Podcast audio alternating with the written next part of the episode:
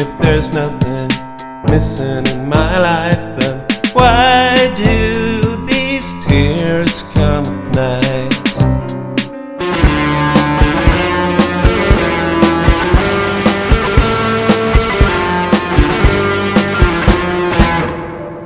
Hej och välkomna till Demonpodden. Podden där vi talar om filmer av kvinnliga filmskapare. Jag heter Kalle Färm och med mig som alltid har jag Björn Waller. Hej! Och som för det allra mesta på sistone, Olof Ekström. Tjena! Och i sin återkomst som standard i podden, Aron Eriksson. Välkommen tillbaka! Tack Kalle, kul att vara här. Det är kul att ha dig tillbaka. Hur har vi klarat oss utan vår filosof med oss de senaste veckorna? Och tillbaka sen eh, från senast var det väl avsnitten om blodiga skräckisar. Ellen Färm. Leave Britney alone! Ja, då fick vi det avklarat. Eh, Halla Gitti. Hallå. Och vi är här ikväll för att tala om två ganska nya dokumentärer om, ja, definitivt liknande ämnen. För det är två dokumentärer som var och en behandlar ett av det tidiga 2000-talets tonårsikoner. Först och främst ska vi prata om Alexandra Deans This is Paris om Paris Hilton som väl, om hon inte var den allra första som skulle kunna benämnas en influencer, absolut en av dem som startade upp hela grejen och verkligen gjorde det till en grej det här att vara känd för att vara. Och sen ska vi titta på Samantha Starks Framing Britney Spears som handlar om ja, vad det är som har hänt med Britney Spears egentligen under åren. Både som då när hon var som mest känd som popstjärna på det tidiga 2000-talet och sedan dess. För, och då med fokus på det här lite underliga situationen där hon har landat i ett, vad säger vi nu, förmyndarskap under sin far som med andra ord fortfarande är helt legalt ansvarig för henne och hennes pengar. Så lite olika liksom, stil på de två dokumentärerna men väldigt liksom snarlika ämnen. Och vi ska ju säga så här att Britney dyker upp i Paris-dokumentären och Paris dyker upp i Britney-dokumentären. Så det är ju väldigt naturligt att koppla ihop de här två känner jag. Eh, och egentligen idén till att göra det här avsnittet fick vi väl just för att Framing Britney Spears är ju en väldigt ny dokumentär och i grund och botten inte ens riktigt en dokumentär som var tänkt som en långfilm på det sättet utan snarare liksom ett avsnitt av New York Times motsvarighet till Uppdrag granskning ungefär. Men som stod ut så pass mycket och fick så pass mycket uppmärksamhet att det kablades ut över hela världen på rekordtid. Men vi, jag tror inte vi tar och startar där utan vi startar nog i andra änden med Alexander Odins This is Paris, en film som går att se på Youtube för det är en Youtube-produktion. Så det är liksom där den hör hemma. Så vi har sabbat våra Youtube-algoritmer för poddens skull. ja. Mina är inte ett dugg påverkade. jag, jag, jag, jag, har två barn så nu dyker det upp lite popstjärnor mitt emellan alla liksom hur ritar jag det coolaste monstret-videos. Jag, jag, tänkte säga nästan samma sak Aron, men jag har nog aldrig haft upp Paris Hilton förut så den är jag väldigt ledsen över. Ja, för då den Paris Hilton. Vem vill ta Aron? Jag känner att du får, kan få ta ledningen lite här till att börja med för det var din idé att se de här två filmerna. Och eh, Britney Spears kände jag väl att vi allihopa hakade på ganska snabbt. Men sen när vi försökte komma på vad ska vi kombinera den med? Eh, så var det du som kom på ja men This is Paris, det här ska vi ge oss in på. Jag hade hört saker att eh, det här var en film att se. Mm. Och eh, jag är aldrig sen att haka på en trend om den trenden kommer från tidigt 00-tal. Nej, precis. ja, därför i alla fall, vad ska vi säga, Ellen är lite yngre än oss andra, Björn lite äldre. Men jag, Olof och Aron växte ju precis upp i ungefär, höll jag på att säga, Olof är precis jämngamla med båda de här två ja, damerna. Fast jag, jag måste ju säga att eh, jag hade nog väldigt lite koll på Paris Hilton tidigare. Ja. Och jag vet inte hur det är med er, men alltså visst, klart hon har funnits i periferin. Jag vet mm. vem hon är.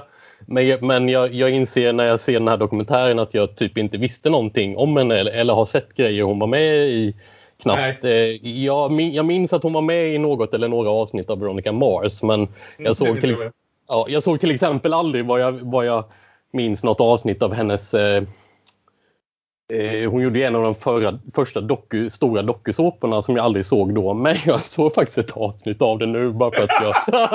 herregud! Ja. Jag gjorde lite extra, extra jobb där och uh, kind of wish I didn't. But, uh... Men jag tror att- Life, för det vad vi pratar om. Ja, det är Simple Life vi, vi vi kan om. komma tillbaka till det sen, men ja, jag såg ett avsnitt av The Simple Life. Men jag, ja. jag tror att din att, att det att du inte har hängt med med Paris Hilton, det har nog mycket med att göra att du faktiskt är man. För att hon var ju framförallt en, vad ska man säga, stilikon eller modeikon för, för unga tjejer. Ja, jo, Äh. det kan säkert spela jättestor roll. Men jag, menar, jag, har ju, jag har ju bättre koll på Britney Spears om man ska jämföra. Men, Ja men precis, men hon var ju ändå en popidol. Hon var liksom lite överallt och hon, hon skulle väl hon var väl extra mycket att hon skulle tilltala männen eller pojkarna också. Ja. Mer än Paris Hilton. Paris Hilton var ju för unga tjejer som ville vara snygga och rika och ville gå runt med en liten hund i handväskan. Det tilltalade kanske inte så många män eller pojkar för den delen. Paris Hilton blev ju mer att ett rent hatobjekt egentligen för oss som inte var direkt i målgruppen för det. Definitivt. Och, och det tycker jag är en av de mest intressanta reaktionerna jag har på det här. Liksom just, eh, både på influencergrejen i allmänhet och på Paris Hilton i synnerhet. Att vi kommer ju fram till det här, nu ska vi inte gå allting i förväg här men det är knepigt det här att bena ut alla, som båda de här dokumentärerna tar upp, alla de här skämten, alla de här misogyna drifterna med de här två kvinnorna. Mm. Det är svårt att bena ut Mm. sitt minne av att vara en del av det från att, vad man faktiskt tycker om det så att säga. Det, det är svårt att förhålla sig till det på ett neutralt sätt när man under 20 år har hö, hö, hö, korkade blondiner. Mm. Mm. Ja, ja, Det- det, det- var det- liksom ja. inget ljummen känsla emot någon av dem utan det var antingen så gillar du det eller så hatar du det. Det var liksom Exakt. svårt Mm. att hitta något, någon som var neutral mot det. Men samtidigt då, så, som jag antar det, det som Björn är inne på lite grann, att man, det känns ju inte heller så bra i magen att, att, att känna att man står på Jay Lenos sida i det här. Nej, precis. Eh, det vill man ju inte riktigt. Men om vi ska börja med om Aron vill sammanfatta This is Paris. Vad händer i filmen? Ja, det var ju väldigt länge sedan man hörde av Paris.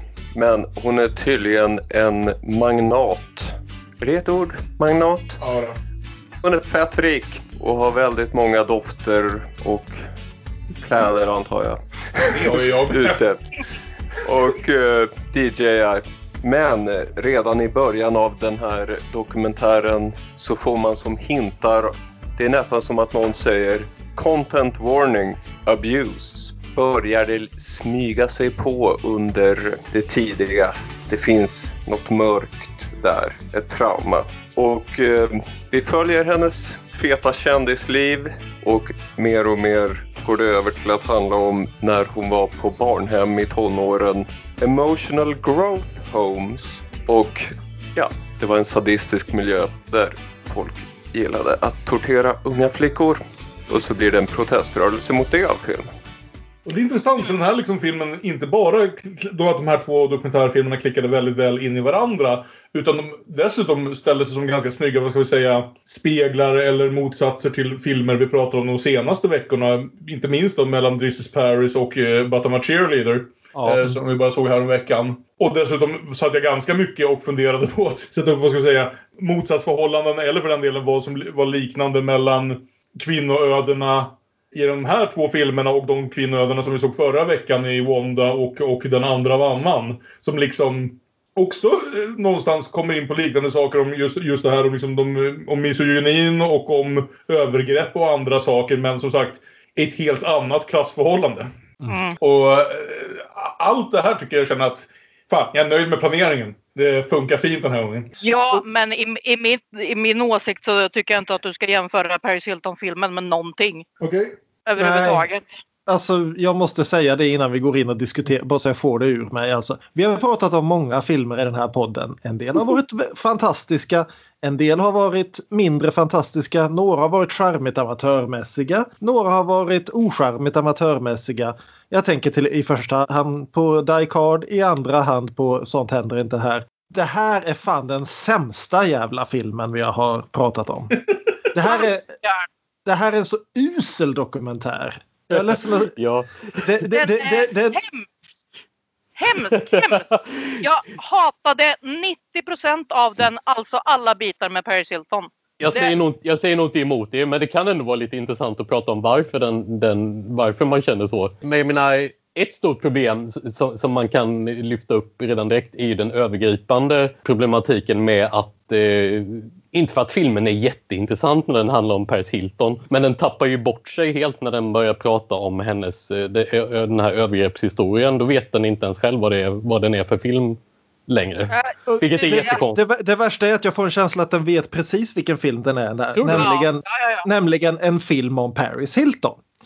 Och, och, och Ja. jag, vill säga, jag vill verkligen säga det här först och främst. där- eh, Därför att finns inga som helst skäl att tvivla på att det här är sant. Jag har absolut inga tvekan om att familjen Hilton är precis en sån familj som skulle eh, skicka sin 17-åriga partydotter till ett misshandelsläger. Nej, nej, och det menar jag inte Det har inga jag problem att tro det. på. Nej, nej. Det skulle, förkl- det skulle förklara en hel del om Paris Hilton. Så jag, jag tvivlar inte för en sekund på att det är sant. Det, det är också en sån här grej som ser ut som en tanke att Piers Morgan är en av de första som dyker upp i den här filmen. Mhm.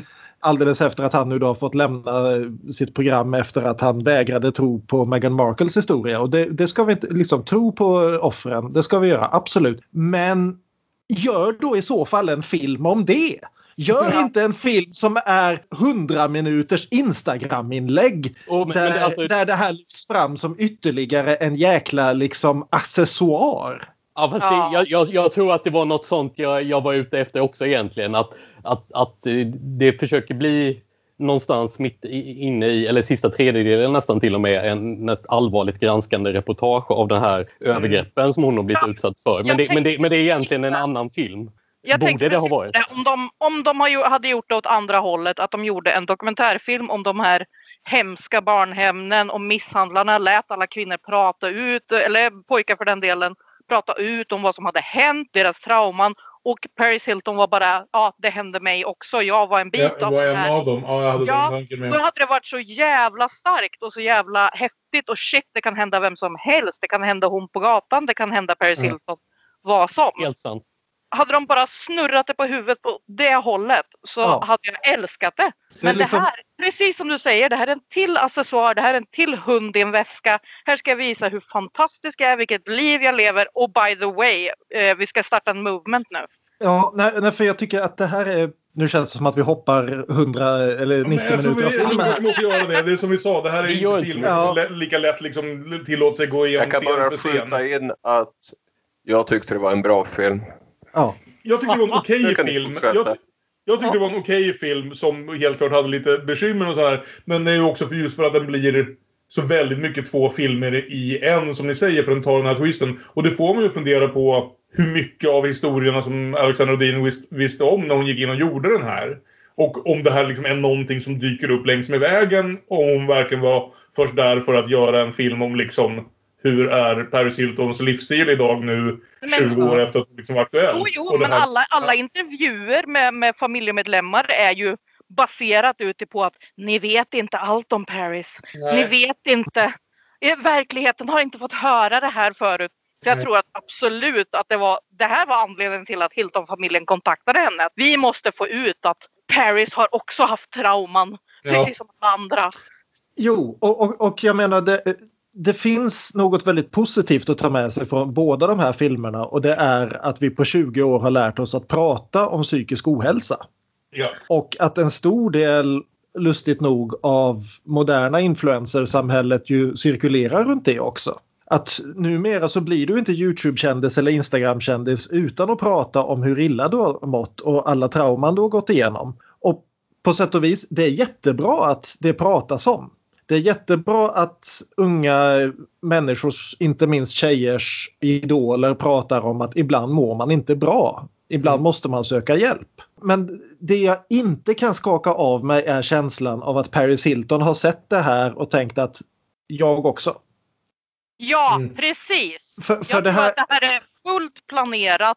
Det här är en form av stunt där de ska försöka framhäva hennes faktiska trauman och faktiska problem för att göra en PR-grej. De Och vi- hakade på hashtag metoo och hashtag allting och kände att här kan vi, här kan vi kamma in lite popularitet. Och vi ska säga också att Paris Hilton har ju fortsatt kampa efter att filmen har kommit Hon har fortsatt kampanja mot de här skolorna. Hon har fortsatt eh, driva eh, processer mot dem och så vidare. Det ska hon ha all cred för. Och det är jättebra att hon gör det och som sagt hade filmen utgått från det. Nu istället om vi ska gå igenom lite kort vad som händer i filmen också för det är som sagt... Det, det, vill jag det, höra din beskrivning av hur den börjar Björn. För jag var tvungen att skriva till dig direkt. den börjar lite slående och det här är fa- faktiskt rätt intressant också. Just, och det, det är en, en bild av dokumentären det hade kunnat bli. Det börjar med Paris Hilton i en inspelningsstudio som ska prata in någon form av, jag vet inte vad de ska prata in, GPS eller någonting. Och försöker hitta tillbaka till den här klassiska Paris Hilton-rösten. That's hot. All right, one, two, three. That's hot. This is Paris. Paris Hilton. Paris. This is Paris Hilton. How many voices do I have? Well, that's pretty good. That was your real voice. This is Paris Hilton. This is Paris Hilton. No, this is. no, this is. This is Paris Hilton. Paris Hilton. Och får ta några tagningar innan hon hittar karaktären Paris Hilton. Till skillnad från människan Paris Hilton. Var, var det det ni tänkte på? Go on. Go on! Och vad händer sen Björn? Sen så lånar de soundtracket från Lost in translation.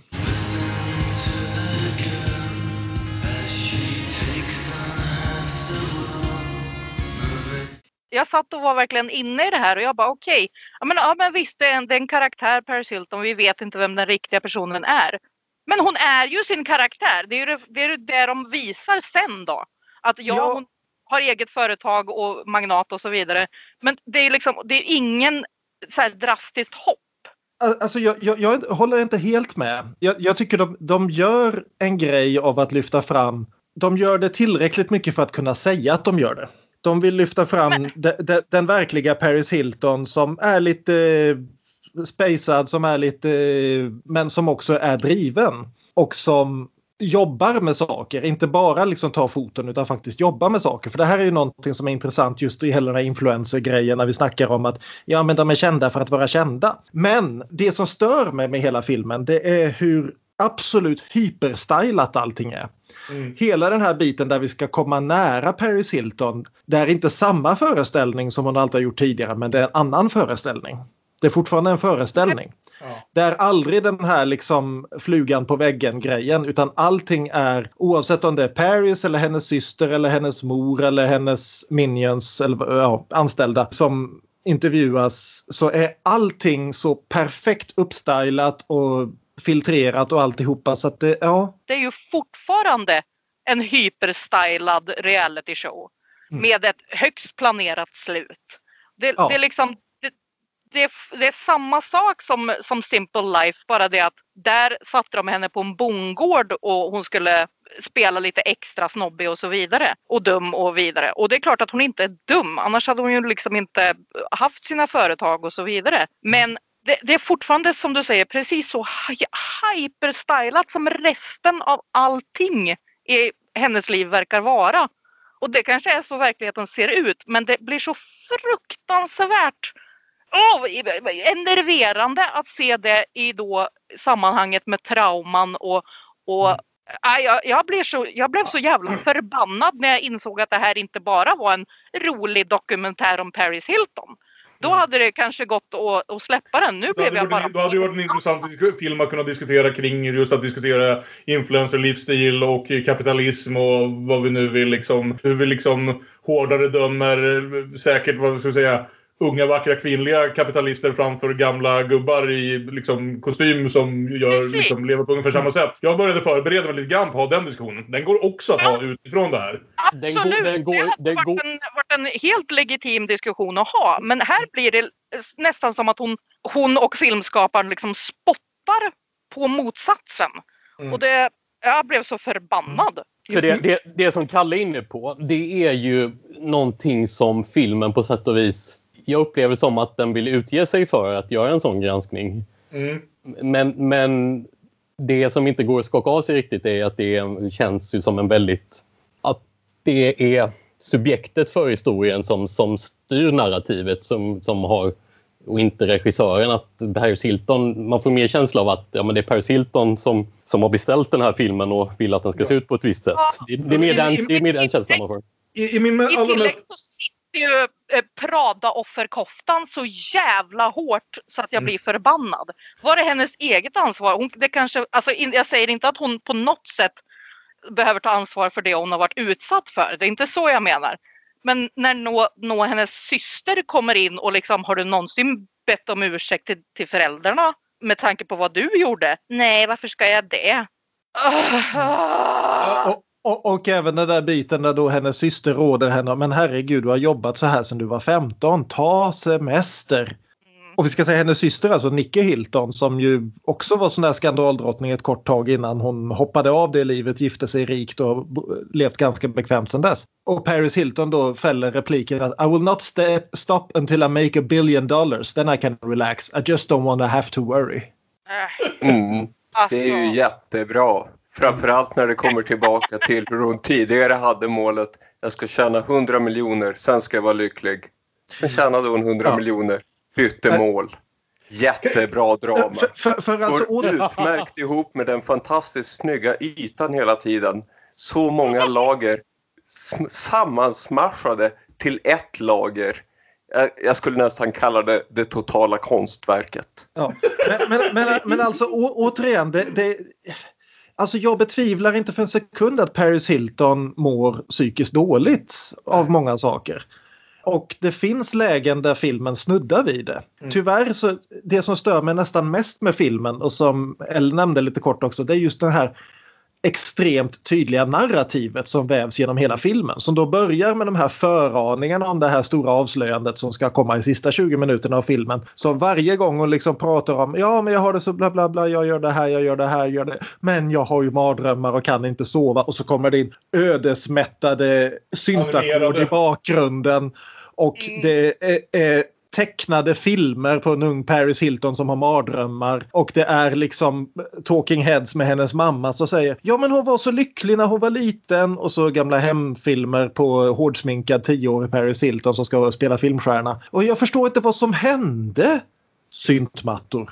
Någonting kommer att avslöjas. Det är så Ja, klumpigt. I mina mest cyniska stunder under den här, och nu kommer jag avslöja, eller spoila en liten sak i en tv-serie som ni allihopa borde ha sett för 15 år sedan. Men i slutet av The Sopranos så vad heter det, vad, vad heter det tvingar ju Dr. Melfi Tony Soprano ur terapin eftersom hon har kommit på att han är en sociopat. Och som sociopat använder han terapin och idén om att han är ett traumaoffer som ursäkt för att fortsätta bete sig som ett jävla, liksom, ja, i hans fall, gravt kriminellt och våldsamt.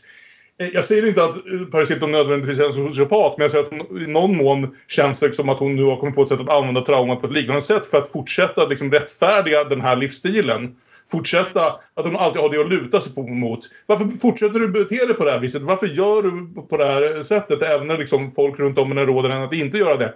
Ja, men jag har trauman. Ja, men jag, tror, jag tror också att det ha- handlar om en högst planerad PR-grej. För att Ja. Paris Hilton har sjunkit i popularitet. Det är ingen som bryr sig egentligen om henne längre. Inga yngre flickor som idoliserar henne på samma sätt Hon som verkar det ju tjäna var. mycket pengar i, i Ja, ja, ja. Men, men fortfarande, det är inte två, tidigt 2000. Alltså om vi ser... Nej. Nej, Hon hon är har 40 år gammal. Det är det de säger ja, vid något tillfälle också. Det är ganska naturligt att liksom naturen tar sin gång och gamla influencers blir gamla och mindre populära och nya tar deras plats. Precis, och jag Ja. tror inte att hon är en sociopat eller något liknande. Men jag tror att hon är så högst kalkylerande businesswoman att hon eh, ser det här som ett, ett, ett sätt att aha, jag kan göra popularitet av mina trauman. För att nu har det börjat med en hashtag-våg, nu har det börjat att folk pratar ut om sånt här och de blir världskända på det. Vilket som Björn sa, det är väldigt bra att stjärnor pratar om trauman och så vidare så att man fattar att det är normalt att må dåligt. Men jag tror att hon har högst kalkylerat sätt att aha, det här är det som trendar, det här är det som, eh, som, som alla pratar om. Ah, då ska jag hoppa på den vågen för jag har minsann också trauman, det ska ni få se. Alltså, jag vill säga att hon är en sociopat på det sättet att hon är en del av liksom av den här extrema kapitalismen som är ett gravt sociopatiskt system och det har lärt henne liksom hennes värderingar och hur man ska agera för att märkas och lyckas i den här världen.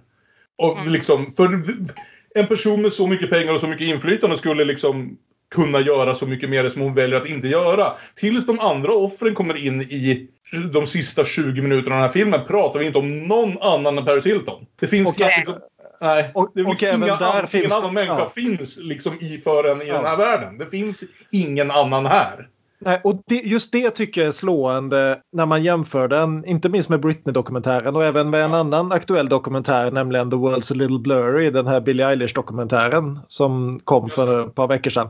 Det är just det här att i både Britney-dokumentären och Billie Eilish-dokumentären så står förhållandet till fansen. Till Ja. de som har gjort den här människan till något i centrum. Medan däremot i Paris Hilton-dokumentären finns de mest med som skrikande massor i bakgrunden. Och, och något liksom Oh I love my fans, I call them little Hiltons. Och det, det, det är De just det kallar att... sig själv Little Ja, Hiltons. Förlåt, förlåt, förlåt. Du kan inte bara ljuga ihop ditt eget narrativ, Björn. Ja, men, men, det är, nej, men det är kusligt hur mycket filmen, och, och som sagt jag vill inte lägga det här på Paris Hilton i första hand utan på just film, filmen som sådan. Hur kusligt filmen köper hela det här och försöker få tittaren att köpa hela det här att Paris Hilton är liksom universums centrum.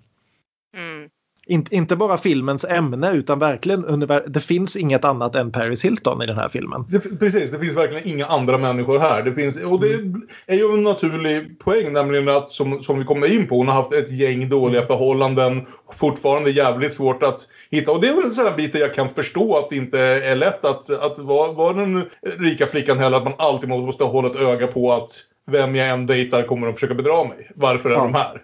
Och, och, Jag kan egentligen, känna en viss, ett visst mått av sympati för den liksom, liksom svårigheten. Och egentligen en, enda tillfället i filmen där det där bryts upp lite grann det är just det här väldigt konstiga förhållandet hon har med någon tysk ravare där. Ja, som är typ precis. fem- han är gammal 15 år fotbollsspelare va? Han är gammal Ja. tysk fotbolls... Eller Är gammal. han, Men, ja, jag vill är säga han det. Ja, skitsamma. Det Eh, sägs nog aldrig riktigt. Men, Nej, tysk är han i alla fall.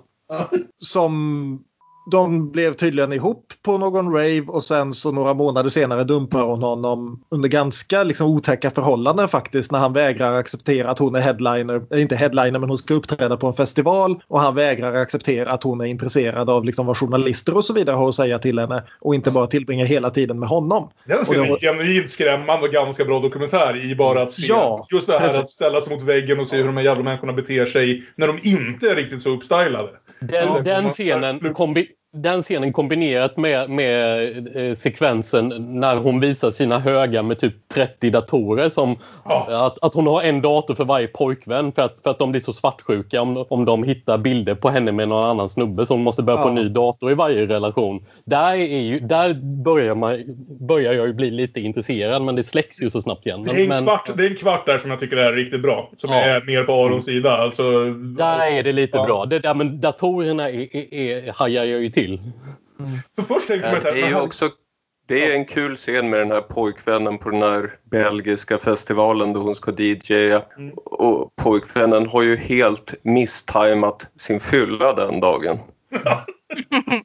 Hon försöker få honom, men drick vatten. Nej, nej.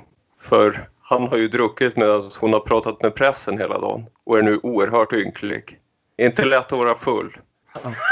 Men, men, men han, är också den, han är också den enda i hela filmen som inte har fattat att det är just Paris Hilton som är huvudpersonen. Nej, Se, se, senare i filmen när vi får träffa de här andra överlevarna och de får berätta sina historier, då är de, fort, de som är med i filmen är fortfarande väldigt medvetna om att det är Paris som är huvudpersonen. De finns där för att ge Paris djup och för att få fram sina egna berättelser naturligtvis också, men de de, ser ju henne som, de ser ju henne som det tydligaste, klaraste sättet att, att äntligen få en egen upprättelse. Det här är ju Pa- enda sättet de Paris är, det, är den som ger dem möjlighet att komma fram och det är de medvetna Precis. om. Ja, Medan pojk, pojkvännen här faktiskt tror att han är i ett förhållande med en annan människa och att de båda två existerar i det förhållandet. Mm. Ja, men alltså jag kanske... Sen, sen, är, sen är han ett kräk, absolut. Det är han. Ja. Men Ja, fast det är det som är grejen. Alltså jag, det det är kanske är jag som är en hemsk person här, men just det där bråket där. Okej, äh, fylla han borde ha stöttat och ja, jo, jo, visst. Men vad fan.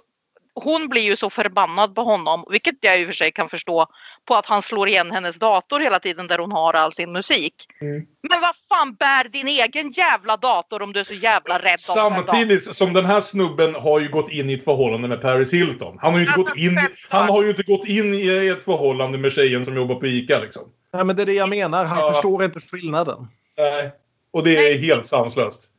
Men alltså, Och alla- han insisterar ju på att bära den där datorn för att han ska vara i centrum. Ja. det tror jag ju inte då, för att hon Jo, lägger Ja, ju... Och hur människor runt omkring som kan bära hela en dator. tiden. Det, det, direkt när han klart att han inte ens klarar av att bära en dator på ett vettigt sätt så finns det ju 14 människor runt omkring som är fullt beredda att plocka upp den här datorn. Mm, sant. Eh, sant. Men han fixar ju inte ens det, den lilla måttet av ansvar. Liksom. För han har suttit där och surat över att på en dag när hon headlinar en vad heter, belgisk festival så är han inte hennes fokus. Vilket liksom, ja. Nej, men ändå. Det är liksom bara så här. Det är så tydligt att Paris Hilton fortfarande är ett barn på något sätt. För att in, inte bara förhållandemässigt att ja, men det där var nog för att jag ska göra slut med dig. Det finns fler där ute och ändå är hon 40 år och har svårt att hitta någon. Ja, men det kanske inte är så konstigt om du dumpar honom för att han blev lite för full en gång. Alltså, eh, jag, jag menar inte att vara elak här på något sätt, men, men det är liksom så här. Hon är uppenbarligen inte en vuxen människa som kan ha en diskussion. Och inte han heller för den delen. Han Nej. verkar också han verkar vara en röv, verkligen. Men det är just det här samarbetet med att hon, eller förhållandet mellan att hon förväntar sig att alla ska göra allt annat för henne samtidigt som hon själv är olycklig. Och då är det så här, ja men du kanske behöver ta tag i någonting själv också. Inte bara förvänta dig att alla ska göra det åt dig. Och där håller ju filmen med dig. Därför att vi har ju den här eh, pratet mellan Nicky och Paris där, där då Paris förklarar att hon vill inte gifta sig därför att when you get married you're forced to grow up. Och Nicky frågar are you afraid to grow up? Och Paris svarar I'm afraid to grow up. Ja visst, men då, då kanske hon borde gå i eh, bättre terapi för att förstå att jo men någon gång om du ska bli lycklig så kanske du måste. Intressant. Du tycker att hon kanske ska skickas till en emotional growth school? Eller Nej, men, men, men, Ella sa något där. Att det, det är nästan intressant att frågan om terapi inte alls kommer upp i det här. Mm. Jag bara föreställer mig att alla liksom kändisar och rika människor på nivån om, om som Paris Hilton har någon slags liksom eh, oavsett om de vill eller inte, liksom terapeut någon gång här och där som de kan ringa till när saker blir lite jobbiga och de behöver känna att de har, har rätten att spendera så mycket pengar som de vill. Men det tar, sig verkligen aldrig upp om hon överhuvudtaget har liksom behandlats på något sätt tidigare för allt det här som kommer. Eller för den delen bara som en sån sak som sina svårigheter i att hålla liv i förhållanden. Du, kan, du kanske har sett för mycket Woody Allen, Kalle. Jag har ju sett för mycket Billions förmodligen på sistone. Ja, det, det, det är okej. Det också kanske. Nej, men det kanske inte är lika coolt att ha terapeut i alla kändiskretsar var väl lite det jag var, tänkte. Jag blev, jag blev också, som sagt, jag tänkte också på det. Liksom, men gud, har hon inte fått någon traumahantering? Har hon inte, det är uppenbart att hon inte har sagt något till sina föräldrar och så vidare. Men, men hennes syster vet ju uppenbarligen om det här. Hon måste ju ha kunnat få hjälp från något håll Mm. med just de här faktiska seriösa trauman. Men det, å andra sidan känns väl det här som jävligt mycket Paris Hiltons sätt att få terapi. Terapi är en Ja. dokumentärfilmare som du kan gråta ut inför. visst, jag, jag, jag, jag tror det också och det är så jävla sorgligt. Ja. Eh, Men det, också, det gör också att jag blir lite sorg, sorgsen över mig själv för att jag blir så förbannad på henne.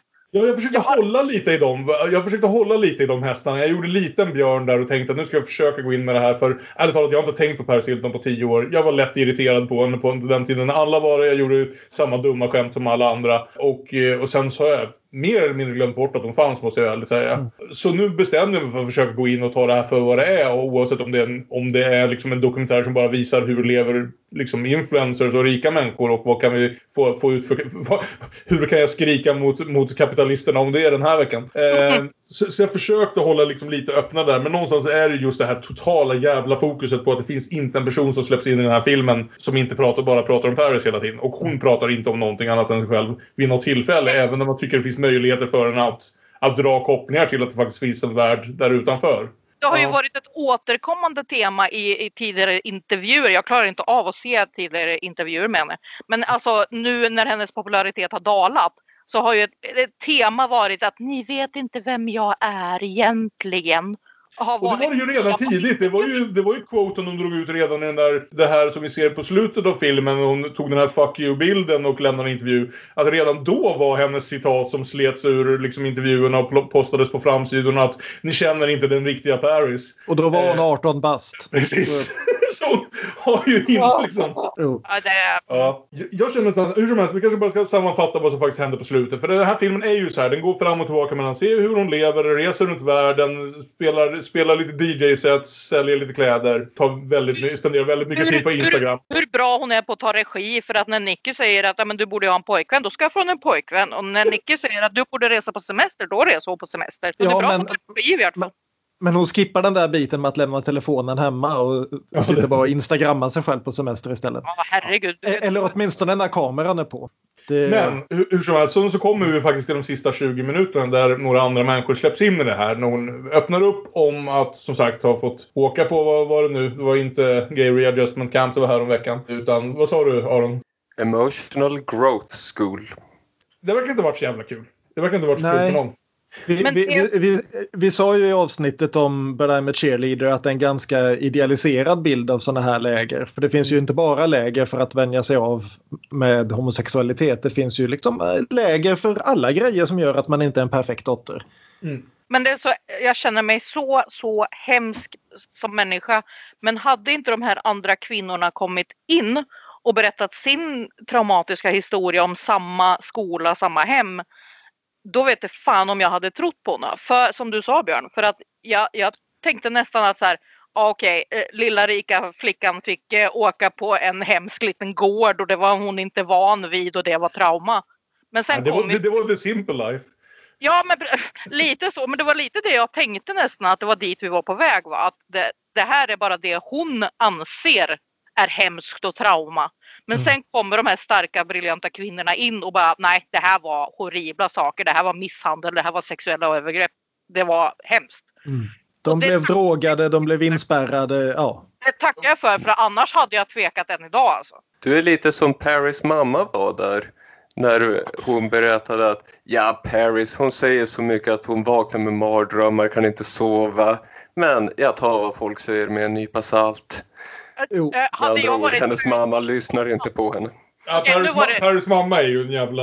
Ja, ja det, hon är en helt egen historia i sig själv. Men, men alltså, nu var det ju hon som faktiskt skickade dit henne så självklart vill hon inte tro på det. Eh, det så hade det väl varit för vilken förälder som helst. Sen att hon är en allmänhet hemsk människa, det är en annan sak.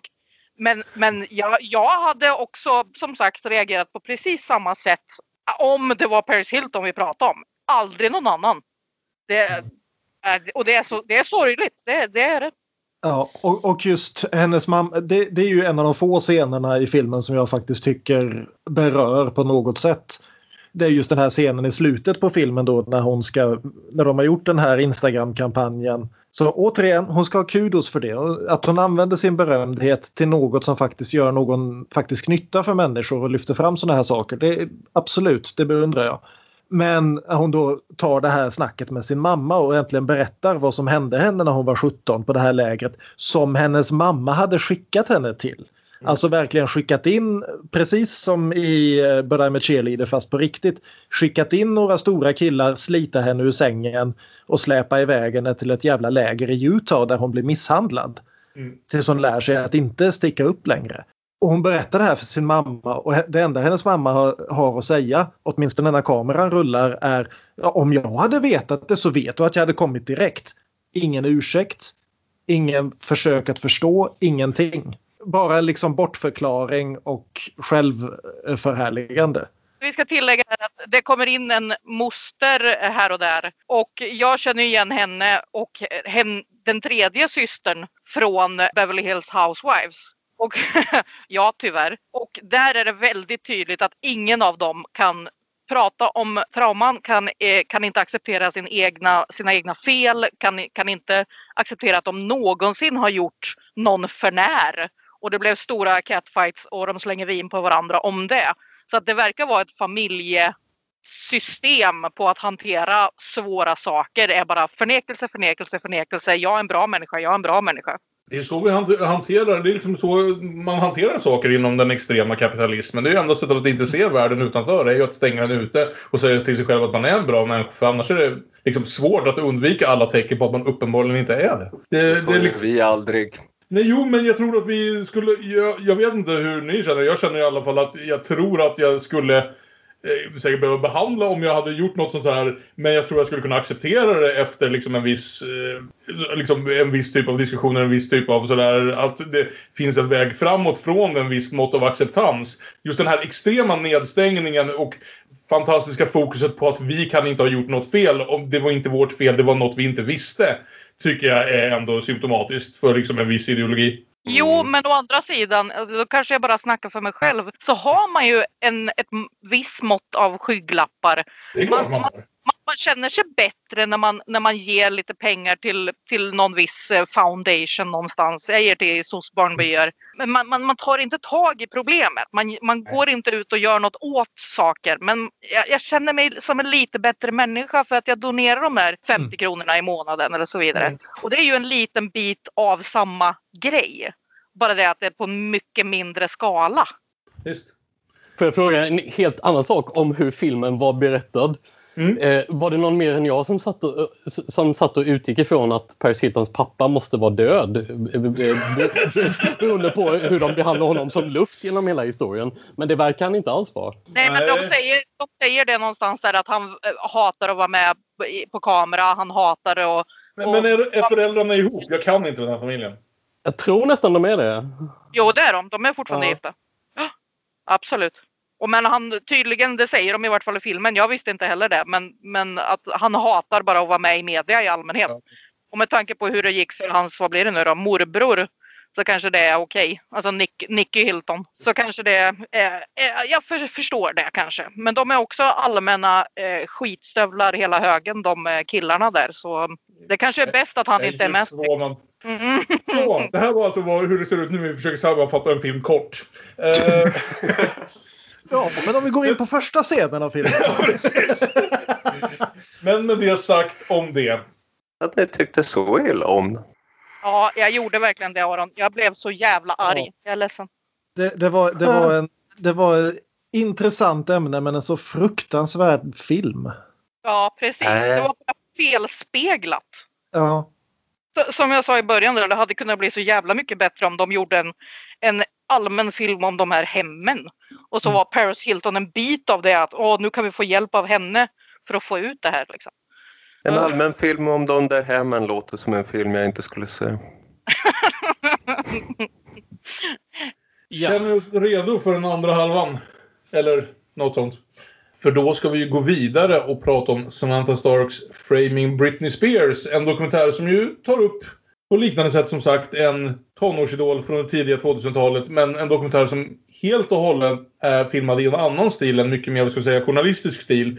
För där This is Paris gick helt och hållet ut på att vara som en fluga på väggen och följa huvudpersonen. Så är ju huvudpersonen, i det här fallet Britney Spears, väldigt frånvarande från den här filmen. Annat än såklart i liksom eh, gamla tv-klipp och annat. För den handlar ju väldigt mycket om just vad fan är det som har hänt med Britney egentligen och hur är det med henne? Och vilket är något av ett mysterium som vi kommer lära oss. Så båda de här dokumentärerna, vi gick inte in och talade så mycket om liksom ren, vad ska jag säga, registil och sånt där. Är ju väldigt liksom bekanta dokumentära mallar men också vitt, alltså he helt frånskilda varandra. Så där, är en helt annan ton men eh, om man överhuvudtaget som sagt har sett ja, Uppdrag granskning på sistone en ganska bekant ton. Och vem vill sammanfatta den?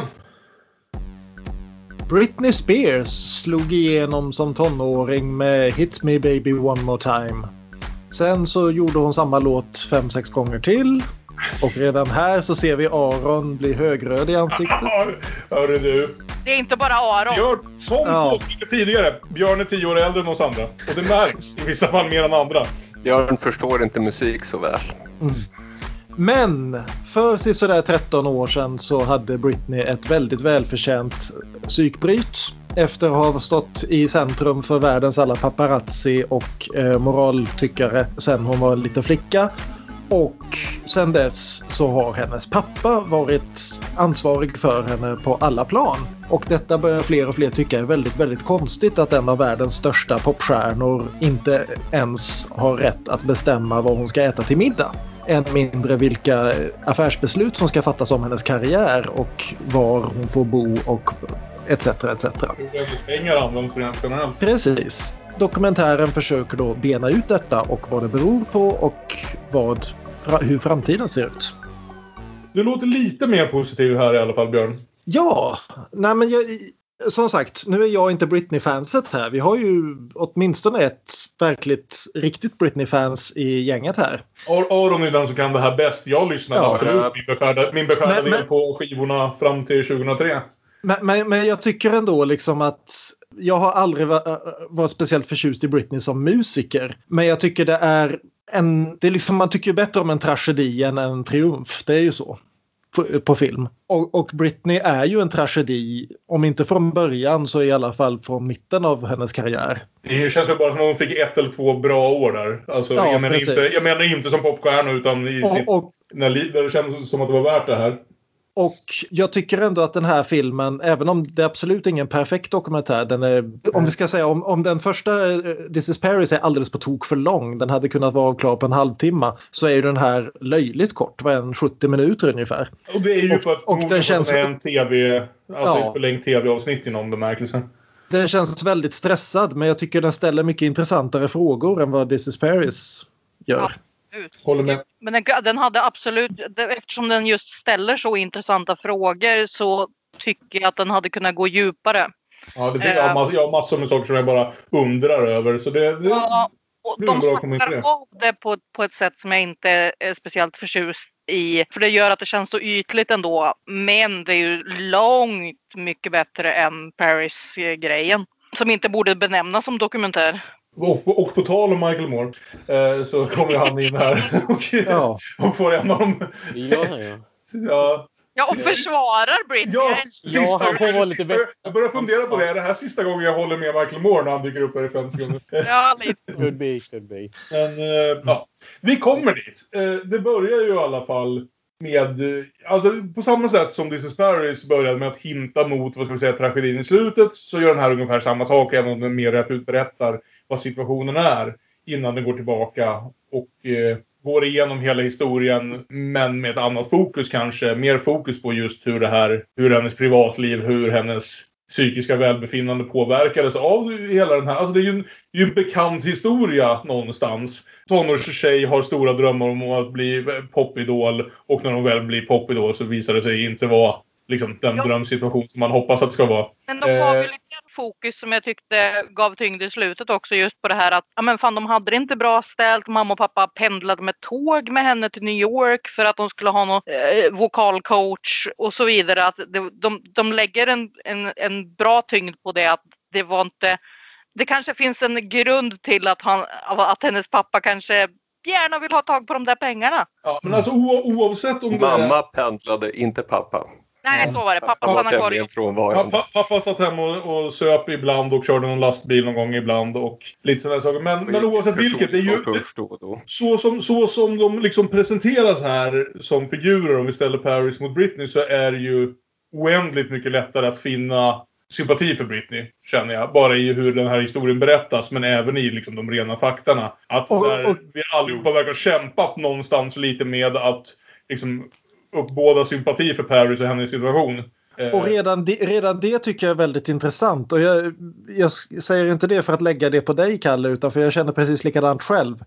Och det intressanta är om du tar de här två historierna med två jämnåriga tjejer som kommer fram ganska exakt samtidigt och den ena har talang för musik, det får man ju säga. Jag är ingen stor Britney-fan men hon sjunga kan hon ju. Och den andra har talang för att synas. Och grejen är det att Paris är den som listar ut, som man skulle kunna hävda först listar ut hur man använder medierna. Hon skaffar sig en surfbräda och rider på de här vågorna. Hon kanske blir illamående i Dalarna men hon rider på vågorna. Britney dras ner i det. Hon hanterar inte det här på samma sätt som Paris gör. På så vis tycker jag det är väldigt intressant att vi sympatiserar mindre med den som vet hur hon ska hantera det. Ja, men det är kanske just på grund av deras eh, start eller vad vi ska säga. Paris Hilton är född in i det. Mm. Hon är, hon är rik från första Ja, start. liksom absolut. sådär. Hon är van vid att bli fotad och bli nämnd i tidningen redan från att hon föddes. Som Mm. liksom eh, arvingen till det stora imperiet. Britney var inte där utan hon blev, de kämpade sig upp liksom på Mm. grund av hennes talang på ett sätt. Hon var inte född känd. Sen Och så, är det kanske ju, därför var det svårare att hantera. sen så är det ju bara otroligt hur liksom traditionell den här historien är och att det uppenbarligen visar sig att alla de här 14 melodramerna från 50, och 60 och 70-talet eller ja, alla versioner av A Star is Born visar sig typ mer eller mindre vara hur det faktiskt ser ut. Det händer någon i varje generation att en ung tjej från ingenstans visar sig kunna sjunga tillräckligt bra och ha tillräckligt mycket liksom look. Att, att hon blir störst i hela världen och sen går det, visar det sig vara liksom gå åt helvete för henne. Det, det är ju liksom en återkommande historia så länge som vi har haft liksom tonårsidoler och popmusiker. Bara det att för Britney så slog det så ihop med just den här jävla mest extrema nästan paparazzi-eran som jag någonstans får en känsla av att det har övergått från vad ska vi säga, liksom professionella paparazzis till att nu har istället varenda jävel en telefon i fickan. Och kan ta bilder med. Ja. Vi fick ju veta i Paris-dokumentären att eh, Paris Hilton var den första kändisen som följdes efter av paparazzis. Och eh, kanske Paris kunde, de uttryckte det på något sånt sätt. Jag vet inte, det skulle ju Paris Ja, kunna hon- säga till Jag, jag tror prinsessan Diana. Har ett par saker att säga om den saken. Hon, hon, hon Jag uppfann tror selfien Olof också. hör med onda öron mot Det- Och Paris. Paris uppfann selfien, det säger de också. Ja. Ja, jo, det, det, det hörde jag i alla fall, men det finns ingen chans i världen att Paris var den första som följdes av paparazzis. Men, men vi, kan, vi kan ju lyfta fram här i alla fall bara... Paris och Britney uppfann selfien. Det finns en bild på Ja. både Britney och Paris Hilton och de påstår att det är den första selfien. Jag vill bara tillägga det. Men, men vi kan ju nämna alldeles i början här, för det är ju mycket såna här klipp om Britney och med Britney från tv och så vidare för att verkligen visa. Hon blev ju den här nationella ikonen väldigt, väldigt fort. Och du har ju det här tidiga klippet då när hon som tioåring är med i någon talangshow och eh, världen som väl är en, en gubbe i, vad kan han vara, 60-årsåldern någonting. Ja. Det första frågan han ställt till henne, do you have a boyfriend? Och hon svarar no, boys are mean. Och han svarar well I'm not mean am I? Liksom, du limmar på en tioåring! Det är så jävla äckligt! Ja, det är så förbannat talande. Ja, och jag kommer att tänka på eh, det här filmen. Det har blivit väldigt mycket mer diskussion runt det här. Det, det har ju filmen verkligen gjort bra. Att den har luckrat upp den diskussionen väldigt mycket. Men jag kommer att tänka på, återigen, jag ska tipsa om en av mina favoritpoddar som jag tror jag nämnt förut, nämligen Faculty of Horror. De hade i ett ganska, eh, ett av sina senaste avsnitt så diskuterade de ett par filmer just om det här att vara i publika eh, liksom, kamerafånget. Och tar du upp Britney som en parallell och nu skrev jag inte upp dumt nog vad det är de citerar där men de citerar ju någon bok om det här med kändisflickor. Att unga flickor som blir kändisar tvingas bli allting. De tvingas vara allting. De tvingas vara sexsymbolen men också den helylle jungfrun. De tvingas vara den kristna och den, den smarta kapitalisten. De tvingas vara stjärnan och de tvingas vara den där som bara vill hänga med sina kompisar. Etc, etc, etc. Det finns inget sätt för en ung kvinnlig idol att vara den roll hon själv väljer. Men Och det är ju Madonna- Britney verkligen... Madonna-hora-grejen. Madonna Ja. Ja, Mm. helt klart. Absolut. Och vem kan leva upp till det? Alltså, Exakt. framförallt inte i den åldern.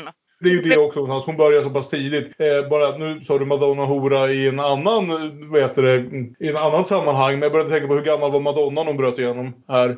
Som liksom Hon var över 20 i vart fall. Ja, exakt. Hon var ju mer av en vuxen människa. För det är ju någonting i hur mycket hon slängs in av det här. Och visst, vi får aldrig känslan av just den här dokumentären av att det här, hon är ett sånt här barn som tvingades in i hela den här vägen av sina föräldrar. Utan vi får aldrig en känsla av att det inte var vad hon ville. Men det är ju helt klart också att, att föräldrarna förmodligen ganska tidigt såg det här som en möjlighet till att bli en bra sak även för dem. Samtidigt som eh, mamma verkar ha stannat i hemstan och tagit hand om, om vad heter det, lilla syskonen och så vidare. Men det, det finns väl absolut liksom en flera vibbar av att båda föräldrarna såg möjligheten i det här. Kanske inte bara för deras dotter. Vi får ju fortsätta då följa Britney genom karriären här. Liksom. Den, den är ju väldigt mycket mer vad ska man säga, kronologisk än vad Paris-dokumentären är. Och det återkommer hela tiden det här liksom, och intervjuer där, där det är nå- också någon sån här äcklig intervju där en kille frågar henne Let's talk about your breasts. Och sen direkt Why do you get so angry when people try to talk about your breasts? Och det, Ja, pre- precis. Och det, och det, är nästan, det är nästan ännu värre för att han, han försöker ju hålla det ifrån sig själv att det är inte jag som är intresserad av att prata om dina bröst. Men eftersom alla andra journalister har frågat dig om dina bröst vill jag gärna fråga dig hur det känns när andra äckliga gubbar frågar om dina bröst. precis. Ja. Åh, ja, Så mycket jo. hemska jävla grejer som bara får en att inse att alltså, jag antar att det inte är bra idag heller, men det känns som att vi verkligen var i någon slags jävla korspunkt av internet började bli stort, paparazzis var överallt. Just hela alltså, skvallermedierna var maximala här och vilket jävla helvete. Ja, det, känns som att, det känns som att hon får två bra år där jag föreställer mig att hon kanske tyckte det var kul att vara popstjärna. Och sen så i ungefär i samma sekund som hon blev gammal nog att börja dejta och behöva visa upp sina pojkvänner för kamerorna så bara sket det sig. I samma sekund som liksom frågan kom på Ja, tal ja, om hon kanske ligger med någon. Då bara sket sig allting. Jo, precis. När det verkligen är... Hela, hela grejen med Tipper Gore och allt det där. Alla de förhören om par parental advisory och så vidare. Men ändå så är det den här kristna jävla moralkakan som ligger överallt. Som jag tror har försvunnit lite grann i vart fall. Det gäller att folk fattar att ja men okej visst att uh, amerikanerna verkar vara värst av, eller värre än många. Men just det här att idag så känns det som att man får vara annorlunda. Man får vara lite sexig. Man, det är ingen som förväntar sig att Lady Gaga ska vara, vara oskuld. Jag tror också att det är att det här är alldeles i slutet av den period där massmedia existerade. Det var William Gibson som har någon grej om det där att popstjärnan, hur är citatet nu liksom? Popstjärnan är en artefakt från en tid där massmedia existerade. I motsats till vad? Ja, till att vara.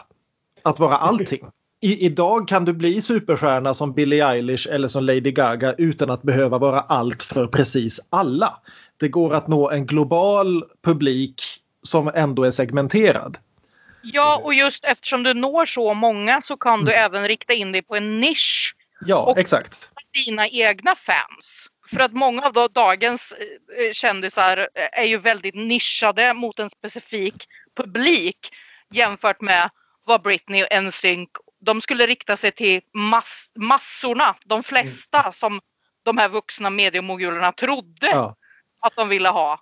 Sen samtidigt så blir ju det inte nödvändigtvis mindre tryck för artisten. Äh, återigen i den här The World's a little blurry så har Billie Eilish vid något tillfälle en utläggning. Hon, blir, hon börjar inse det här liksom vid 17 års ålder att hon har bokstavligt talat tiotals miljoner fans, superfans. Som verkligen hänger upp sitt liv på henne på samma sätt som hon själv som 12-åring gjorde på sina idoler och har någon utläggning om det här att ni kan inte sätta mig i sit situationer, säger hon till sina föräldrar som är hennes managers, där jag kan ha en dålig dag. Därför att har jag en dålig dag så är det någon som kanske skär upp handlederna för att jag är ett, för att jag är ett arsle. Och det kan inte jag ta. Nej.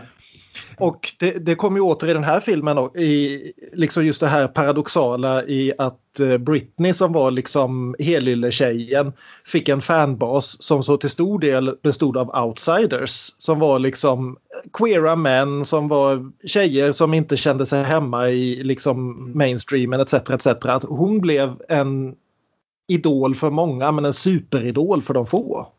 Ja, exakt. Mm.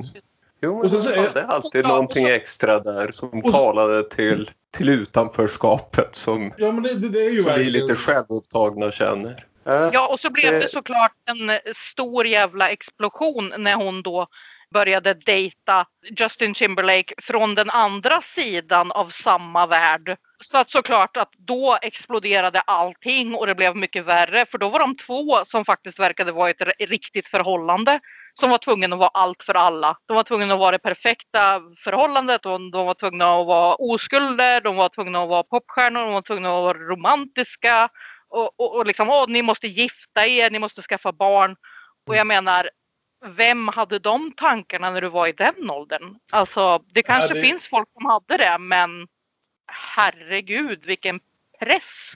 Det är ju den här absurda liksom kombinationen av som sagt vad som krävdes av en popstjärna på den tiden när vi hade massmedia det här i att att Britney av liksom musikvideos, av mm, liksom photoshoots och annat sexualiserades på ett sätt som jag inte kan känna mig helt säker på att hon själv var bekväm med. Något som, som, som, som Björn Mm. säger, va? att till exempel Billie Eilish har ju varit väldigt tydlig med att hon inte alls är bekväm med det och därför väljer klädstil och annat ut efter där hon känner sig hemma liksom.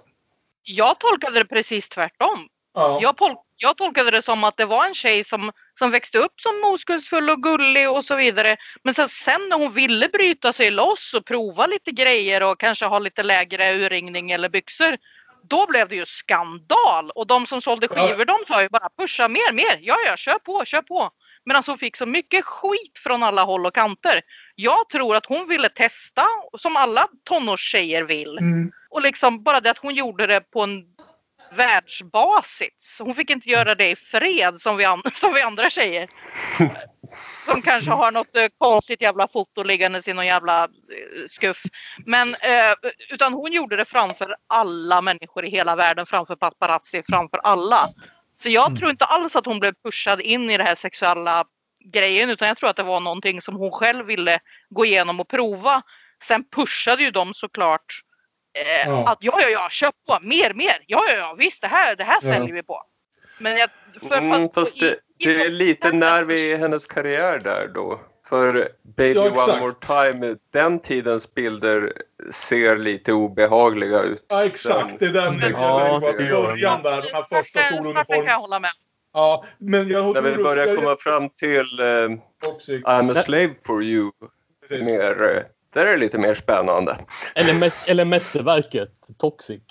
Ja, exakt. Men det är ju vid Ja. något tillfälle som hon, som hon helt klart försöker liksom... Hon får, lite, hon får en jä- liten jävla knäpp på det här och försöker slå tillbaka mot det. Och det gör hon ju via liksom valet av musikvideos och photoshoots, känner jag. Och att det, finns inte någon som liksom... Det, är klart att när hon säger ska vi pröva det lite mer vågat i sådana fall, om det är hon som kommer med de förslagen, så är det såklart att det är ingen av managerna eller så som, som säger emot det därför att de vet att det är det här som kommer sälja, det är det här som kommer hålla henne i rampljuset snarare än om hon, om hon kliver tillbaka till en säkrare image. Liksom. Visst, och hände det här för tidigt? Absolut, absolut hände det för tidigt. Men jag tror att det var liksom bara att de spädde på någonting som redan fanns där. Och jag, jag är enig att eh, Baby One More Time, det, det är såklart att det var de som bestämde att, hur hon skulle se ut. Men sen tror jag att det var en naturlig gång som bara blev, ja, det blev en explosion helt enkelt. Och det är intressant för liksom huvudpunkten med den här dokumentären när man har läst om den och alla diskussioner i medierna och sånt har ju varit det som vi ser i andra halvan här. Allt det här om liksom förmyndarskapet och vart hon tagit vägen och hur mår hon och styr hon över, i vilken mån styr hon över sitt eget liv. Men som sagt, jag var nästan mest bara upprörd, chockad och äckligt påmind om hur det brukade se ut med alla de här intervjuerna från just den här eran. Den här Ja. eran när vi liksom alla samlades som ett samhälle och pekade ut en tjej som typ nyss hade fyllt 20 för att hon hade blivit knäpp och hånades som en slampa och liksom Ja. begick liksom eh, jävla Salem Witch Trials via, via massmedia. Ska, ska vi snacka om Det den händer ju lite den- saker här. Ja, Det är uppbrottet med Justin Timberlake går de igenom hur, ja, Mm. hur Mm. media hanterade det och hur Justin hanterade det. Och Ja. jag, jag, jag såg en grej på Youtube där det var fans rasar mot Justin efter den här dokumentären. Och de förklarade så tydligt att ja, ni kanske inte minns hur stora Britney och Justin var. Men tänk på två namn jag aldrig hört talas om, så förstår ni. Då kände jag att jag hänger visst inte med så mycket längre. Nej, Men, men, men om vi ska snacka om den, den creepigaste personen i någon av de här två dokumentärerna så är det ju Mm. nästan den här paparazzin de intervjuar. Ja, fy Ja. fan! Och då menar jag inte nödvändigtvis för det han säger nödvändigtvis. För han var ju den då som fotograferade Britney när hon får det här sammanbrottet och attackerar hans bil med, en, eh, med ett paraply när hon, någon vecka efter att hon har rakat av sig Ja, håret. det var han, han på bensinmacken du pratade om. Ja, precis. Hon är mitt uppe i en vårdnadstvist. Hon har blivit utkastad ur sin exmakes hus, för, förvägras att träffa sina barn. Och då hoppar den här killen på henne och vill fotografera henne och vill fråga hur hon mår. Och det bryter för henne och hon bankar sönder hans bil. Och det är inte det värsta med det, utan det värsta med det är att han sitter 15 år senare och är mycket väl medveten om hur han framstår i den här dokumentären och ändå flinar upp sig och gärna ställer upp i dokumentären. Det är det som verkligen ger mig kalla kårar. Att han vet att han är skurken i det här. Han vet att när han säger ja, jag vet, det var inte en bra kväll för henne, men vi tjänade i alla fall pengar. Jag tror vi hjälpte varandra en hel del. Ja, Han vet- han snäll vet hur han-. Jag frågade hur hon mådde. Och, Ja. mm. Som han att han, vet som hur att han han är en vän. Liksom. Som att Ja, han, precis. för att han har följt efter henne i åratal vid det här laget och hängt utanför hennes dörr som en jävla stalker med en kamera. Så är de på något sätt liksom verkligen har ett förhållande till varandra. Som att hon Ja. någonsin skulle vara glad att höra av honom och att han frågar hur hon mår. Men just detta då att han liksom 15 år senare fortfarande är så fascinerad av sin roll i historien att han tycker att den bör berättas och bör lyftas fram och se sig själv som en hjälte i den historien. Det, det, är det, som, det är det som verkligen skrämmer mig mer än bara med den här historien utan med hela jävla mediekomplexet liksom. Jag vill bara påpeka, för jag trodde nästan att det var... Jag håller med om det du säger, men när du, jag höll på att säga, när du vill nämna den obehagligaste personen i historien. Att båda de här filmerna inkluderar segment där Matt Lauer sitter och intervjuar båda de här flickorna och ställer obehagliga jävla frågor. Matt Lauer som nu typ har blivit hårdast metooad av alla. Är det han som är röda tråden i det här? Ja, alltså fy fan. Det, det, är också, det är också någon av paparazzi, paparazzi-fotograferna, jag vet inte om det är samma som Björn pratar om, som, som, som sitter och pratar om att han, han kan inte riktigt förstå varför inte Britney bara kunde erkänna att hon hade också en massa nytta av att bli förföljd och på det här sättet. Och, you know, working on her for so many years, she never gave a clue or information to us that I don't appreciate you guys. Leave me the F alone. What about when she said, leave me alone? There were times where she like, can you leave me alone for the day?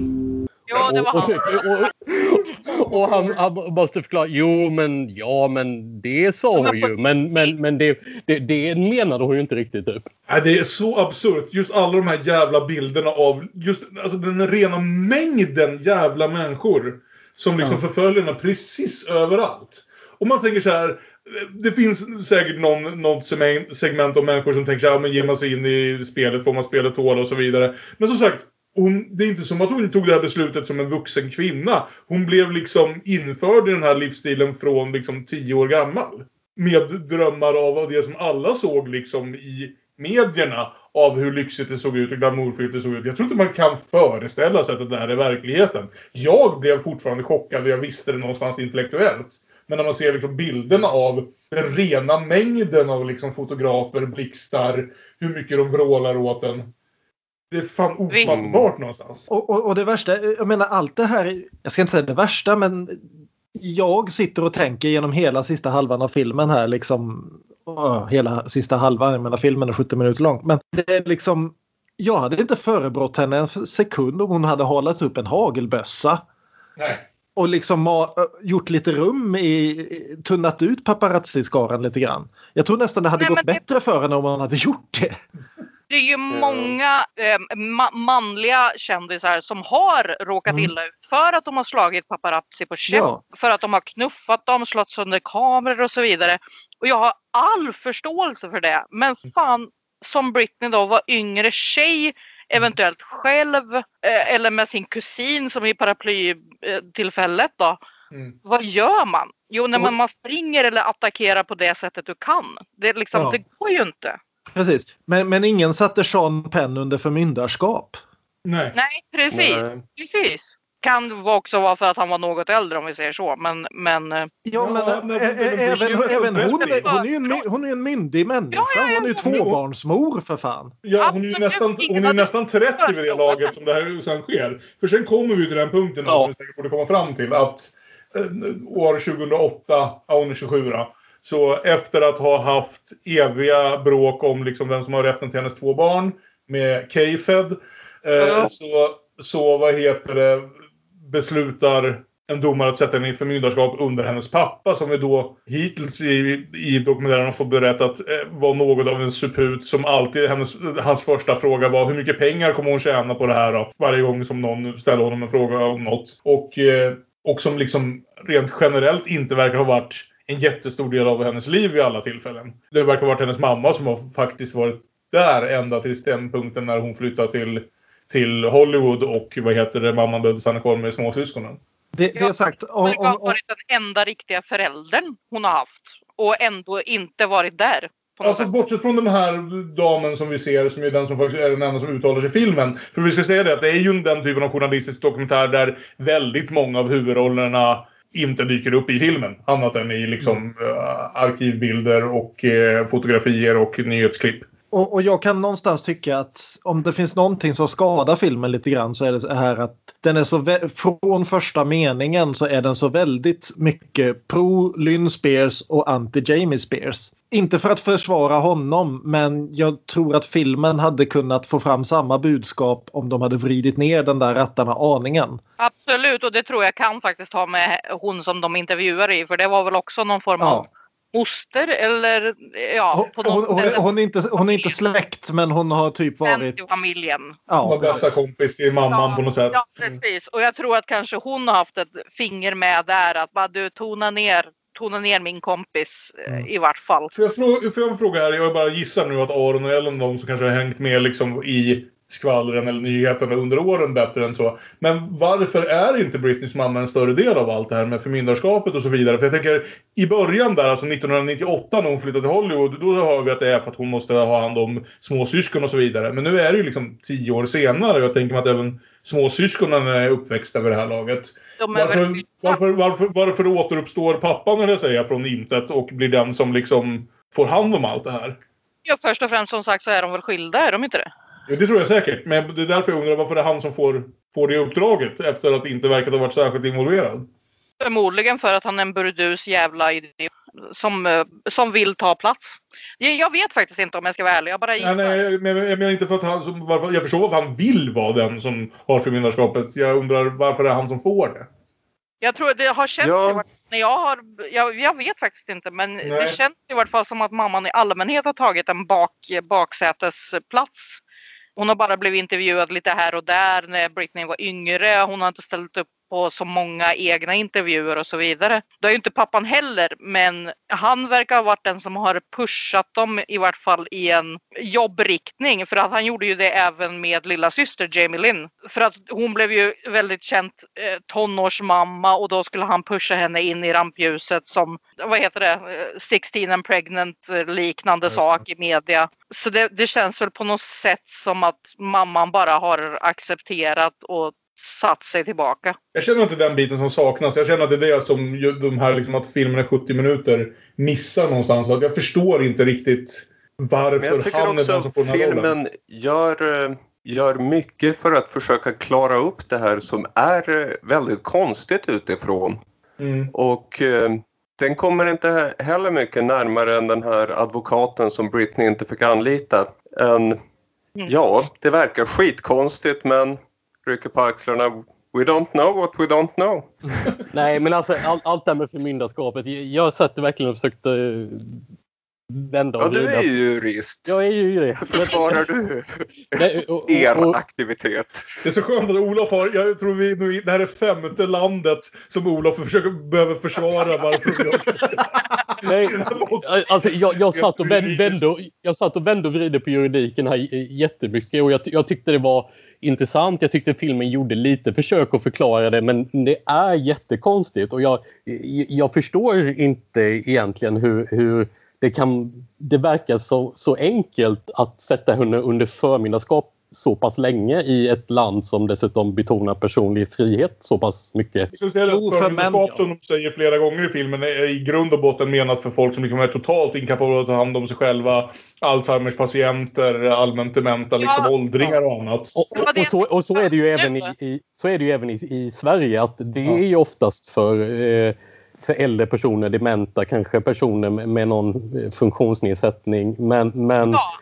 Men det var det jag man, tänkte lägga till nu att det är det de hävdar nu. Alltså nu, alltså som i typ förra veckan. Så hävdar ju pappa Spears där att det är därför han har förmyndarskapet för att Britney är dement.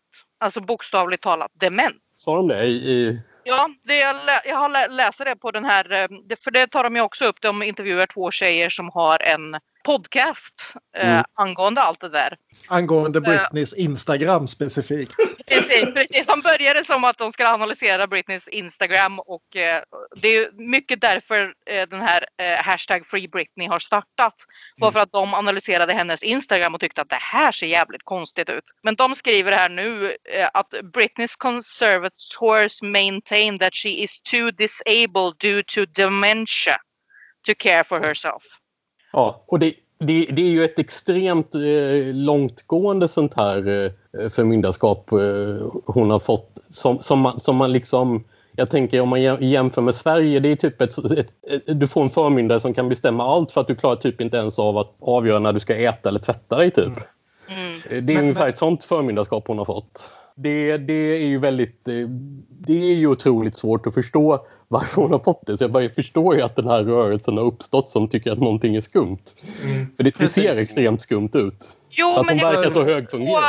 Jo, men jag kan, jo, nu förstår jag inte alls, men jag kan ändå förstå där en stund i, i början när det här förmyndarskapet eh, skapades som någonting tillfälligt. Eh, Ja, det kan att- man göra under en akut period typ. Och Precis, att, att precis. nu de närmsta månaderna klarar jag inte av att ta hand om mig själv för jag har en djup depression eller vad, vad det kan vara. Och sen så kanske man kommer ur den. Och framförallt då om du har blivit tvångsinlagd på psyket. Så, Ja. s- självklart så kanske blir den eh, närmsta person, eftersom hon var skild så blev det inte K-Fed, tack och lov. Men det blev pappa Spears istället då som var tydligen närmst. Så den kan jag ändå förstå. Men, det var ju just det där att det Britneys tillfälliga. egna krav. Men också Britneys enda egna krav. Jag, jag förstår att det behövs förmyndarskap, jag kommer inte att komma undan det. Men låt det inte bli min pappa. Ja. Men hon eh, bedömdes inte tillräckligt nog att anställa advokaten som skulle yrka på det. Det är nog framförallt där. Det är där dokumentären borde ha stannat och sagt förklarat varför det inte blev mamman. Om den nu kunde det liksom. Ja, och, och, och även att dokumentären kunde gått, gått in lite mera på just förmyndarskapet som grej också. Därför att det känns som att det är väldigt många som säger det här snabbt. Att ja. men det, här är, det här är ju bara för dementa åldringar. Ja, det, det, det sa du nu. Din stora expertis är att du har sett alla Britney Spears Instagram-poster. Kan vi få höra från en jurist som pratar om det här också? ja, det hade jag eh, också gärna velat. Men, men, men, men, men, men det, intressant, det intressanta med det här är ju att det här förmyndarskapet har alltså pågått i 13 år. Men Britney Spears är ju, jag menar hon är inte Brian Wilson här. Hon, Nej, sit, precis. hon, sit, hon sitter inte på sin kammare och tittar på tv som liksom eh, Syd Barrett. Hon är en världsstjärna. Hon ger ut skivor, hon turnerar. Hon sitter... Det här, tyck, det, det här är så jävla bisarrt. Hon, sit, hon sitter som domare i talangprogram i tv samtidigt som vi förväntas köpa att hon inte klarar av att ta hand om sig själv. Nej, det är- Precis. Och, och, och det, är ju, det är ju det som eh, dokumentären tar upp här, det här bisarra. De har till och med något liksom uttalande från någon av hennes förmyndarhjälpredor att de vill ha högre lön nu därför att Britney mår nu så pass bra så att hon kan sköta om sig själv så att eh, hennes karriär går mycket bättre och då förtjänar de högre lön för att ta hand om henne. Ja, och att Ja, de ska det göra är två det fraser här. Till ett företag. De vill, de Ja. vill officiellt göra om förmyndig, förmyndigheten till ett företag. För att nu tjänar vi så pass mycket pengar så vi måste ju betala skatt på det här. Vi måste ju bli ett officiellt företag som förmyndar Britney. Ja, de två fraserna där. High functioning conservative och hybrid business model. Nej, tanklöst. Det är helt Det känns- sanslöst. Känns lurt. Mm. Det är lite det- som den här eh, Trouble Teen Industry som de sa i Paris-dokumentären. Också det är en fras som bara kändes, gav kalla kårar. En sak som ju verkligen är väldigt mycket av det lilla vi ser, för vi ser några klipp ändå inifrån liksom hur Britney har det nu via någon slags MTV-dokumentär, något annat som har gjorts där, där, vi liksom, där vi är inne i hennes hus och ser hennes pappa och deras förhållande lite grann. Jag märkte det på peruken att det var un under wo- womanizer-videon som de spelade in. För jag såg kläderna. Ja, men alltså att både Britney och Paris behandlas så otroligt mycket som barn fortfarande av sina föräldrar. Alltså i Britney är det ju mer verkligen liksom taget till sin extrem såklart. Men bara när man, men Paris nämner ju samma sak. Det här att på något sätt på grund av att deras döttrar hade en period där de var ute och festade och eh, deras beteenden be, liksom dömdes av hela världen så har de aldrig slutat vara liksom deras eh, liksom småbarn. De har aldrig kommit ut tonåren. Varenda gång de gör något tveksamt så har de en, bokstavligt talat en förälder där som liksom förmyndar dem och säger åt dem ska du verkligen göra sådär just nu? Fast de är liksom 40-åriga kvinnor. Och för, Britney, för Britney beskriver exakt det också. Hon beskriver, hon imiterar ju sin pappa i den här liksom, och säger hur han pratar med henne och sådär. Vi får se om de, gör, om de gör någon slags äcklig jävla ostgröt till frukost precis som när hon var tonåring. De har ju liksom, alla de här föräldrarna liksom verkar vara väldigt bestämda på att hålla sina döttrar kvar i tonåren. Snarare än att få dem att växa därifrån.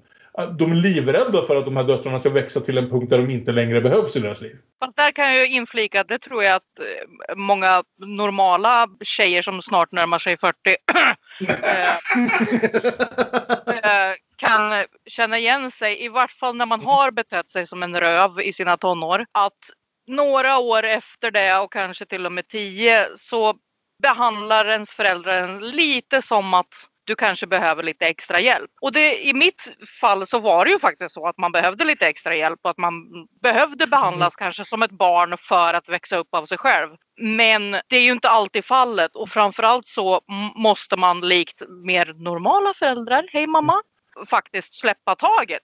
Det är bara. Det, det är det de verkar inte ha gjort. Kanske just på Nej. grund av att de vet att Eh, eh, hela världen tittar på dem, dömer dem och så vidare. Att de inte kan släppa taget. Men också så är man ju lite cynisk i Britneys fall och tror att pappa vill inte släppa taget för att det är pengarna som gäller. Ja, exakt. Och, och för både liksom Britneys pappa och Paris mamma pratar ju till dem som, som liksom stygga tonåringar. I den tonen de har. Man märker det när de liksom, man ser dem prata till sina barn. Vilket är absurt för vid båda de här tillfällena är det människor som för länge sedan har korsat 30 liksom. Och dessutom är multi-multimiljonärer. Precis, och i Britneys fall verkligen liksom mycket på grund av vad hon har gjort själv. I Paris fall kan vi diskutera liksom, hur mycket av de pengarna som kommer från... från... Det är absolut pengar hon har tjänat själv skulle jag tro. Jo, Det, Mycket av det absolut. Det är parfymer, det är hudkrämer, det är smycken, det är Ja, väskor. exakt. Ja, nej, så Men det, det det- kanske är just för att de ska Mm. fortsätta vara multimiljonärer som att de Mm. inte vill släppa taget. Ja, de tänker jag- att Precis. nu går vi tillbaka till, till det här gamla fattiga vi hade i sydstaterna. Om du slutar jobba, för du är den enda som jobbar i den här familjen. Mm. Kom igen nu liksom. Alltså jag tycker det här är Just hur mycket Britney jobbar tyckte jag var en intressant sak med det här. De intervjuar Tevin Tankoren. Ja, jag tänkte också på Kevin Tankoren i det här. Ja, Vi alla kopplingar vi kan göra till Weedonverse. Precis. Bror till Marissa Tankoren som är gift med Jed Whedon. Och Jed och Marissas första skrivarjobb tillsammans var att skriva mellansnack till Britney för hennes konsert. Och han berättar när han eh, regisserade då framträdandet att Britney var jävligt bestämd och hade koll på hur, eh, hur det skulle se ut. Och de visar eh, fina scener på hur hon hunsar sina underhuggare. I'm not a diva, I just know what I like. Och hur hennes agens, ja, hon får ju det här sammanbrottet. Men sen, efter det så börjar hon göra toppskivor igen. Och att hon fortfarande är omyndigförklarad, ja, det är bisarrt. Jag vill tillägga också att en av, de, av hennes bästa skivor eh, anses ju vara under eh, brottet. Där jag tycker att de, hennes bästa låtar är. Det är ju när hon gjorde det här hemska framträdandet på MTV Awards och alla sa att hon var tjock och hon kunde inte dansa och allting var fel. Men det är en av mina favorit Britney-skivor. Det var under det här jävla brottet och när det var så hemskt. Blackout, ja. Mm. Ja, absolut. Det var ett jävligt Eh, dåligt framträdande. Men Ja, Hon var lite Absolut. trött den Det dagen. det, det, är inte, det, är inte rätt, det är något som inte står rätt till här. Men också det som sagt att som sagt, hon skapade skitbra, tänker jag säga. Skitbra musik även då. Så det kanske inte har med förmyndarskapet att göra utan det kanske har med talang att göra. Det var ju några månader efter det som hon blev tvångsinlagd och fick förmyndare då. Och sen gjorde hon Cirkus. Ah, Vilket okej. också är en bra skiva. Ja, men den är mycket mer polerad än vad Blackout är. Blackout är Mm. relativt rå och dansig medans eh, Circus är polerad tonårs-Britney fast i en modern, modern sättning liksom. Det finns några bra låtar. Jag kommer inte ifrån det här att vi inte vet någonting om att Visst, hon är under ett förmyndarskap på grund av att hon är inkapabel, på grund av demens tydligen, att ta hand om sig själv. Men vad görs, vad görs åt det då? Det verkar ju vara någon slags status quo. Det är så här det funkar. Vi får inget tal även här. Eh, tal om terapi, tal om liksom psykisk hjälp eh, and, andra sådana saker. Arbetas det på att hon ska må bättre? Eller liksom, om det nu är det som är grejen. Eller förhålls hon i ett konstant status quo där hon tjänar tillräckligt med pengar för att hålla pappa nöjd. Men ändå liksom, ja, med problem stora nog att liksom han ska kunna hålla henne inspärrad och under sin kontroll. Det är ju pappan som Ja, bestämmer vilken vård hon ska ha eh, med tanke på det långtgående förmyndarskapet han har. Så. Det framgår ju också att Britney betalar alla advokater i det här tillfället. Det är så otroligt. Den stunden när det kommer fram att det är klart det är Britneys pengar som betalar för advokaterna på båda sidorna av dispyten. Ja, precis. Och samtidigt som det är hennes pappa som då bestämmer vad hon ska ha för vård och för att må bättre. Men om hon mår sämre då får ju han behålla eh, all förmyndigarrätt och alla pengar. Så jag menar, mm, nej. Det, det här går inte, det går runt. Det går runt i en cirkel. Jag tänkte säga att det går inte runt men det går runt i en perfekt cirkel av Britneys pengar. Och det är ju en dokumentär som väldigt mycket i Uppdrag granskning-traditionen är gjord för att skapa rubriker och liksom lite uppror mot allt det här. Vilket betyder att vi inte vet hur det här kommer sluta än. Alltså det, det finns ju inte ett slut utan den slutar ju där vi är nu. Vilket typ är i att egentligen har alla vetat att det här har pågått i 12 år men nu fick det lite mer uppmärksamhet. Eh, Ja, hon började ju strejka 2018. Ställde in den här Domination eh, Residency var det, i Las Vegas. Och det, och det är ju faktiskt en av de bästa scenerna i filmen också. Just det här när Britney kommer och ska liksom lansera sin nya ettårs residency. Och hon kommer ut ur hotellet, går, genom, går raka vägen förbi scenen, går raka vägen förbi Ja. alla journalisterna, sätter sig i en limo och kör därifrån. Det, det var jättekul. Ja. Jag, jag hade inte sett de tv-bilderna innan. Det kanske någon av er hade. Men, men, Mm. men just att hon hade kunnat skita i att åka dit. Nej, hon åker dit. Och Det är den bästa och, Och jag- protest och så här bara- Ja, men, och jag, det är det jag tänker. Och jag tänker att det här är en signal till pappa. Ja. Många vill se det som ett tecken på att hon är fortfarande knäpp. nej. Jag tänker det här är en väldigt tydlig signal. Jag tänker inte ställa upp på den här skiten. nej, men, men verkligen. Släpp lös mig! Ja, ja, ja, Eh, absolut. liksom- ja. Gud, det är den bästa strejkaktion jag har sett på länge. Så det, för att det, hon vet ju vart det gör ont och det gör ont i plånboken. Så att om jag vägrar, mitt enda kort jag har att hålla är att jag vägrar jobba. Och det, jag ska visa det publikt, jag ska visa det i, i, i media, jag ska göra en så stor grej av det att jag bara, men jag kan inte prata om det utan jag ska bara göra det. Det var en sån jävla bra protest att jag, jag hade inte heller sett bilderna Olof så jag, jag tyckte det var skitkul att se. Ja, nej. Alltså, det är mer engagerande historia än Paris Hilton, det får jag ju lov att säga. Man sitter ju där som man gör ibland även under liksom, vad ska man säga, sådana här journalistdokumentära avsnitt av olika saker. Liksom förbannas allt eftersom. Samtidigt som det är en dokumentär som kommer in med en klar agenda. Va? Ja, Jag vill ju ja. bara att hon ska kliva upp på den där scenen innan hon protesterar alla Buffy med hammaren och skäran och bara... Ja. Jo, Nej, men, men, och vi- på, på sätt och vis så har ju filmen en lika tydlig... Eh, eller alltså den har en tydlig agenda lika mycket som Paris Hilton-filmen har det egentligen. Men det är, bara, det är väl bara en mer sympatisk agenda då helt enkelt.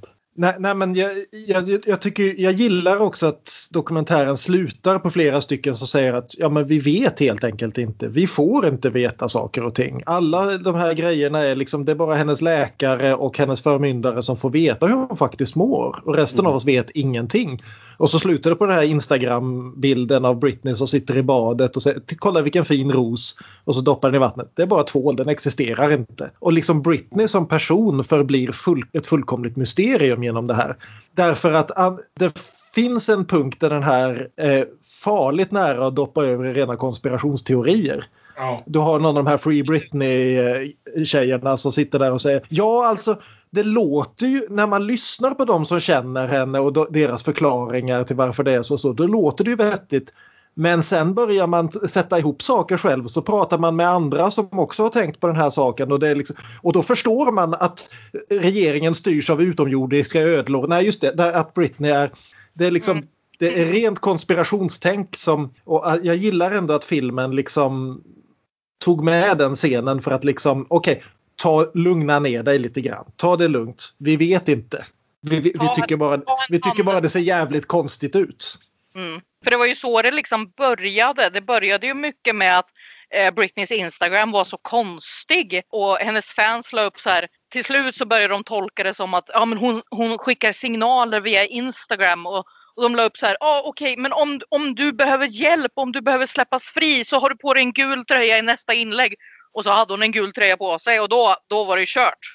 Liksom. Speciellt som hon bara har två fans och det är bara de två som snackar ihop sig innan och säger just gul tröja. För du, hon, har, hon har inte fem miljoner fans som alla säger ta på dig en gul tröja, ta på dig en blå tröja, ta på dig en svart tröja, ta på dig en röd tröja. Ja, precis, precis. Ja, ja, ja, absolut. Jag är helt med på den. Sen, sen i grund och botten så visar det ju faktiskt att som sagt det är något fuffen som pågår här. Men andas lite och ta, ett, ta en nypa salt. Men det är någonting som det är bra att det görs en dokumentär om och det är någonting som kanske det var bra att det kom till ytan. För vem vet vad sånt här förmyndarskap, förmyndarskap eh, har, har gjort i allmänhet, inte bara Britney. Utan är det fler människor som, som behandlas på det här sättet som hade kunnat vara fullt kapabla till att sköta sitt eget liv. Men de kan inte och de har inte pengarna som Britney har till att kunna fightas mot det här. Eller knäppa fans som hjälper henne att pusha åt andra hållet. Hon, det finns folk som kanske inte kan strejka mot att jobba och så vidare. Så jag tycker hela grejen är bra att de lyfter bara genom, genom timglaset Britney så att säga. Mm. Mm. Det är Alltså, en väldigt bra synpunkt det, jag tycker de här var ändå var skitintressant att se båda två. Oavsett kvaliteten på Paris-filmen som jag väl... Jag är inte lika hatisk som Ellen och Björn. Jag är inte riktigt lika uppåt på den som, som Aron. Jag landar någonstans mitt i för jag tycker ändå det är så jävla fascinerande med den här extrema... Alltså bara att se inifrån. Det säger så mycket om de här personerna som de inte tror att det säger om dem. Att få se den här jävla extrema nivån av kapitalism inifrån. Alltså även om det här är liksom en film som visar upp det hon vill visa upp så är det ibland chockerande att det här hon tror är bra att visa upp.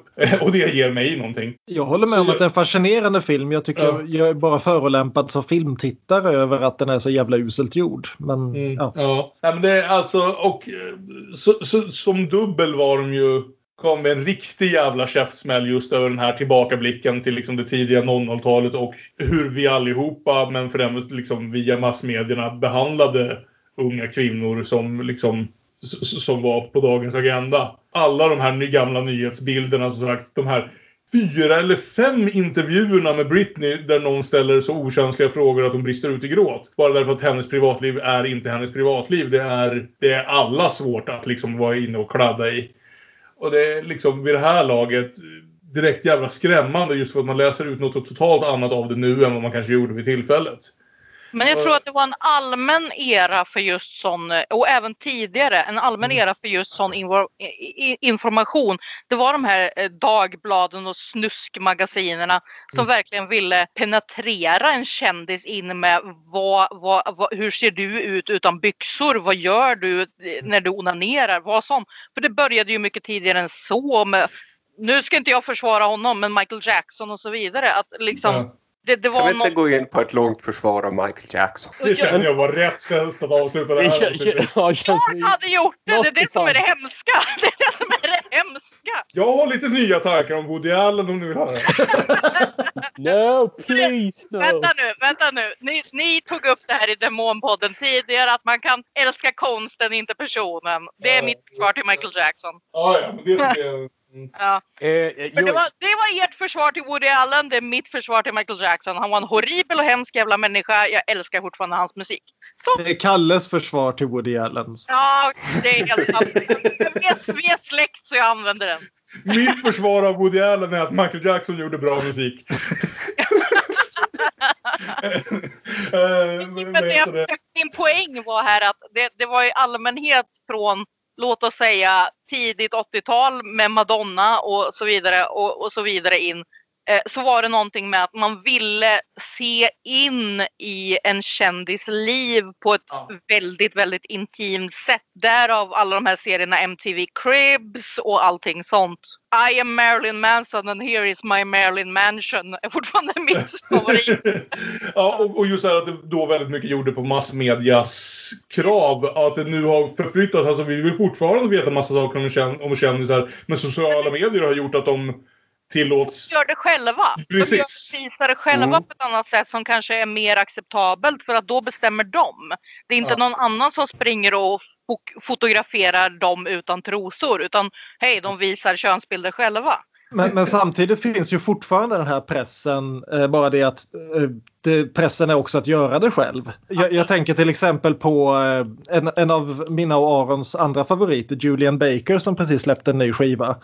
Som är väldigt bra. Inte för att hon är på liksom samma kändisnivå men jag slås just av det här att eh, när jag liksom läst lite intervjuer med henne in, inför nya skivan det här. Att hon har ju liksom tid, hon liksom släppte sin första skiva, vad var hon, 19, 20 någonting. Och var ute rätt tidigt med tre saker, liksom att hon, hon är kristen, hon är lesbisk och hon är nykter alkoholist. Eh, bortslösade tonår liksom. Och att hon sedan nu liksom i takt med att hon blir vuxen måste hela tiden stå för det här offentligt. Mm. Och att varenda liten grej som hon gör som på något vis inte passar in i det här, att hon liksom har haft en del miss återkommande missbruksproblem och så vidare, gör att hon på något vis måste göra avbön offentligt och måste liksom göra kanossavandringar offentligt för sådana här saker hela tiden. Och då är hon nere på indiepopnivå liksom. Och, och även i den här Billie Eilish-dokumentären tas ju det upp. Det finns en scen där, där en av hennes managers föreslår, eller inte managers men eh, mediehjälpredor föreslår att du kanske inte ska liksom gå ut och tala allt för mycket om det här. Kids don't do drugs för du är bara 17 år och vi vet inte vad du kommer att göra om några år. Och, och hennes mamma är ju med i rummet också för hon har ju verkligen stöd av sina föräldrar verkar det. Och säger att ja men det är väl självklart att du ska göra för du tänker väl inte ta droger? Och där sitter liksom Billie Eilish 17 år och Alltså mors, morsan, nu ska vi inte gå ut och ta ut någonting i förskott. Den där pressen att vara bästa vän med alla dina miljontals fans, den finns ju i allra högsta grad där fortfarande. Om inte Det- det- mer. Nej, och, exakt, och, det, och det, jag insåg det i samma sekund som jag sa att det var något... Men de säger det i Britney-dokumentären väldigt tydligt att hon gick från att vara jagad av paparazzi till att visa vad hon själv ville visa på Instagram. Och det kändes, ja det var kanske lite väl enkelt att säga vad sociala medier betytt. Ja, ja, ja. Och, och jag kom på det på mig själv också, där, att sitta och säga, säga att åh herregud vad skvallerpressen höll på med för 15 år sedan. Och så, ja, såg ni Meghan Markle-intervjun i förra veckan? Ja. Eh, så, Ja. onekligen ett existerande liksom, tillstånd samtidigt som jag får känslan av ändå att för all skit hon har fått utstå att eh, Meghan förhoppningsvis har fått en större andel, vad ska vi säga, sympati och, och försvar än vad Britney fick för 15 år sedan. Definitivt. Jag tror att det är just det där att det handlar om att du åtminstone har en illusion av att du lägger ut det själv och när det släpps. Mm. eh, eh, Framförallt så kan du hålla på någonting lite längre och du kan dessutom göra en offentlig ursäkt mycket lättare. Mm. Du behöver inte ställa upp i jailen och säga förlåt för att du gick till en prostituerad. eh, För att, allt, för att allt ska vara, vara lätt liksom. Jävlar vad lätt han har kommit undan allt det här. Vart, vart är Hugh Grants förmyndarskap? Han, han, har ju betett sig som en, han har ju betett sig som en hygglig person sedan dess. Eh, han har bara Men- varit brittisk douchebag. Ja, men alltså, möjligen är ju bevakningen mot ändå lite mer balanserad när det gäller Meghan Markle än när man ser tillbaka på, på Britney och och Paris. Jag läste en, eh, en rätt intressant artikel i, som var i The Guardian för någon vecka sedan som handlar precis om det här som vi pratar om nu att 00-talet var väldigt toxiskt för kvinnliga kändisar och sådär och att det kanske har You're toxic and slipping under. Exakt. Nej, men de hade i och för sig någon lite, lite underlig te- teori i den artikeln om att det skulle ha med 9-11 att göra. Ja, men det kan jag se hur vi gick över till 24 hour news cycle. Det var ju en 9-11 effekt. Ja, men Internet hjälpte ju inte till.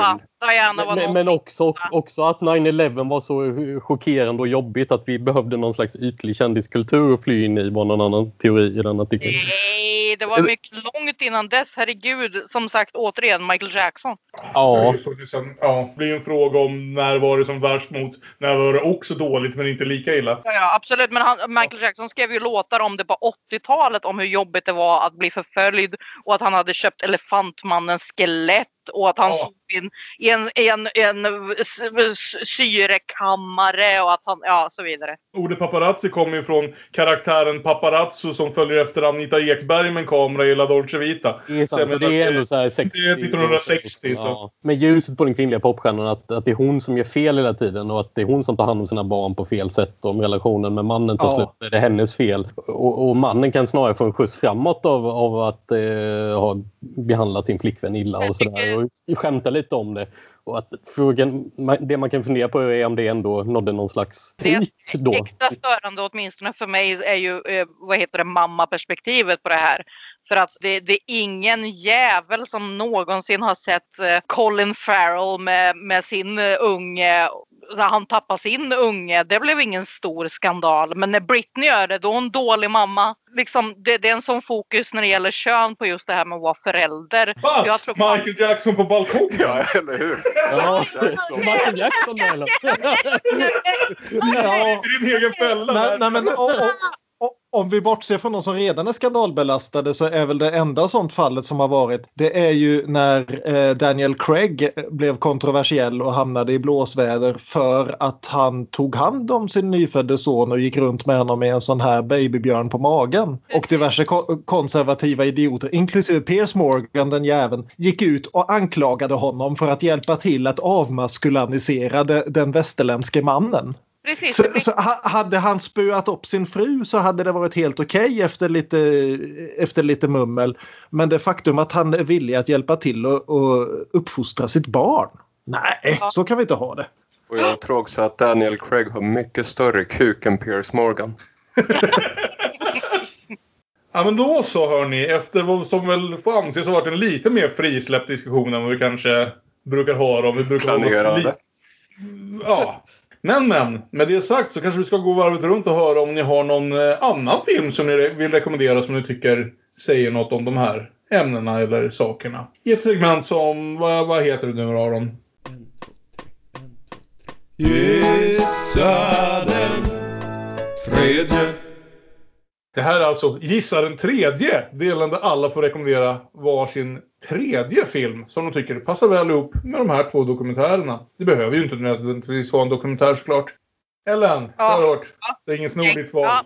Nej, precis. Det var det jag var lite rädd för. Så jag får, Ja, det var så. väl bra att jag började då kanske. Mm. Jag var tvungen att summera varför jag tänkte på den filmen. Jag har valt en av mina favoriter faktiskt. Eller åtminstone min barndoms favoriter. Eh, Little Voice från 1998.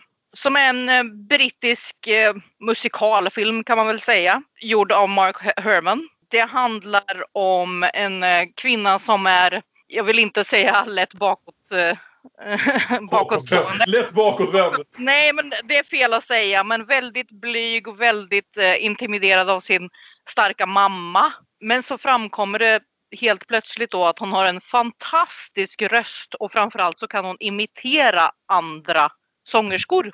Hon får visa fram det här på stans pub. Eller de, de vill att hon ska visa fram det här på stans pub. Och de gör en stor show av det och allting. Men hon har ju problem med att stå på scen, hon har problem med att ta plats. Och jag bara anser att det är en fantastiskt fin film. Det är dessutom en romantisk historia i, i, eh, samtidigt som det är, handlar om hur svårt det är kanske att växa upp i Storbritannien under den tiden. En konstant eh, kedjerökande mamma som vill att du ska bli stjärna. Och att herregud, du är dum i huvudet om du inte står fram och du är inte värd för någonting. Och hon eh, gömmer sig från sitt eh, hemska hemliv eller vad man ska säga med att sjunga och imitera kändisar till sin lilla eh, skivspelare som hon har på rummet eh, och flykta verkligheten på det sättet.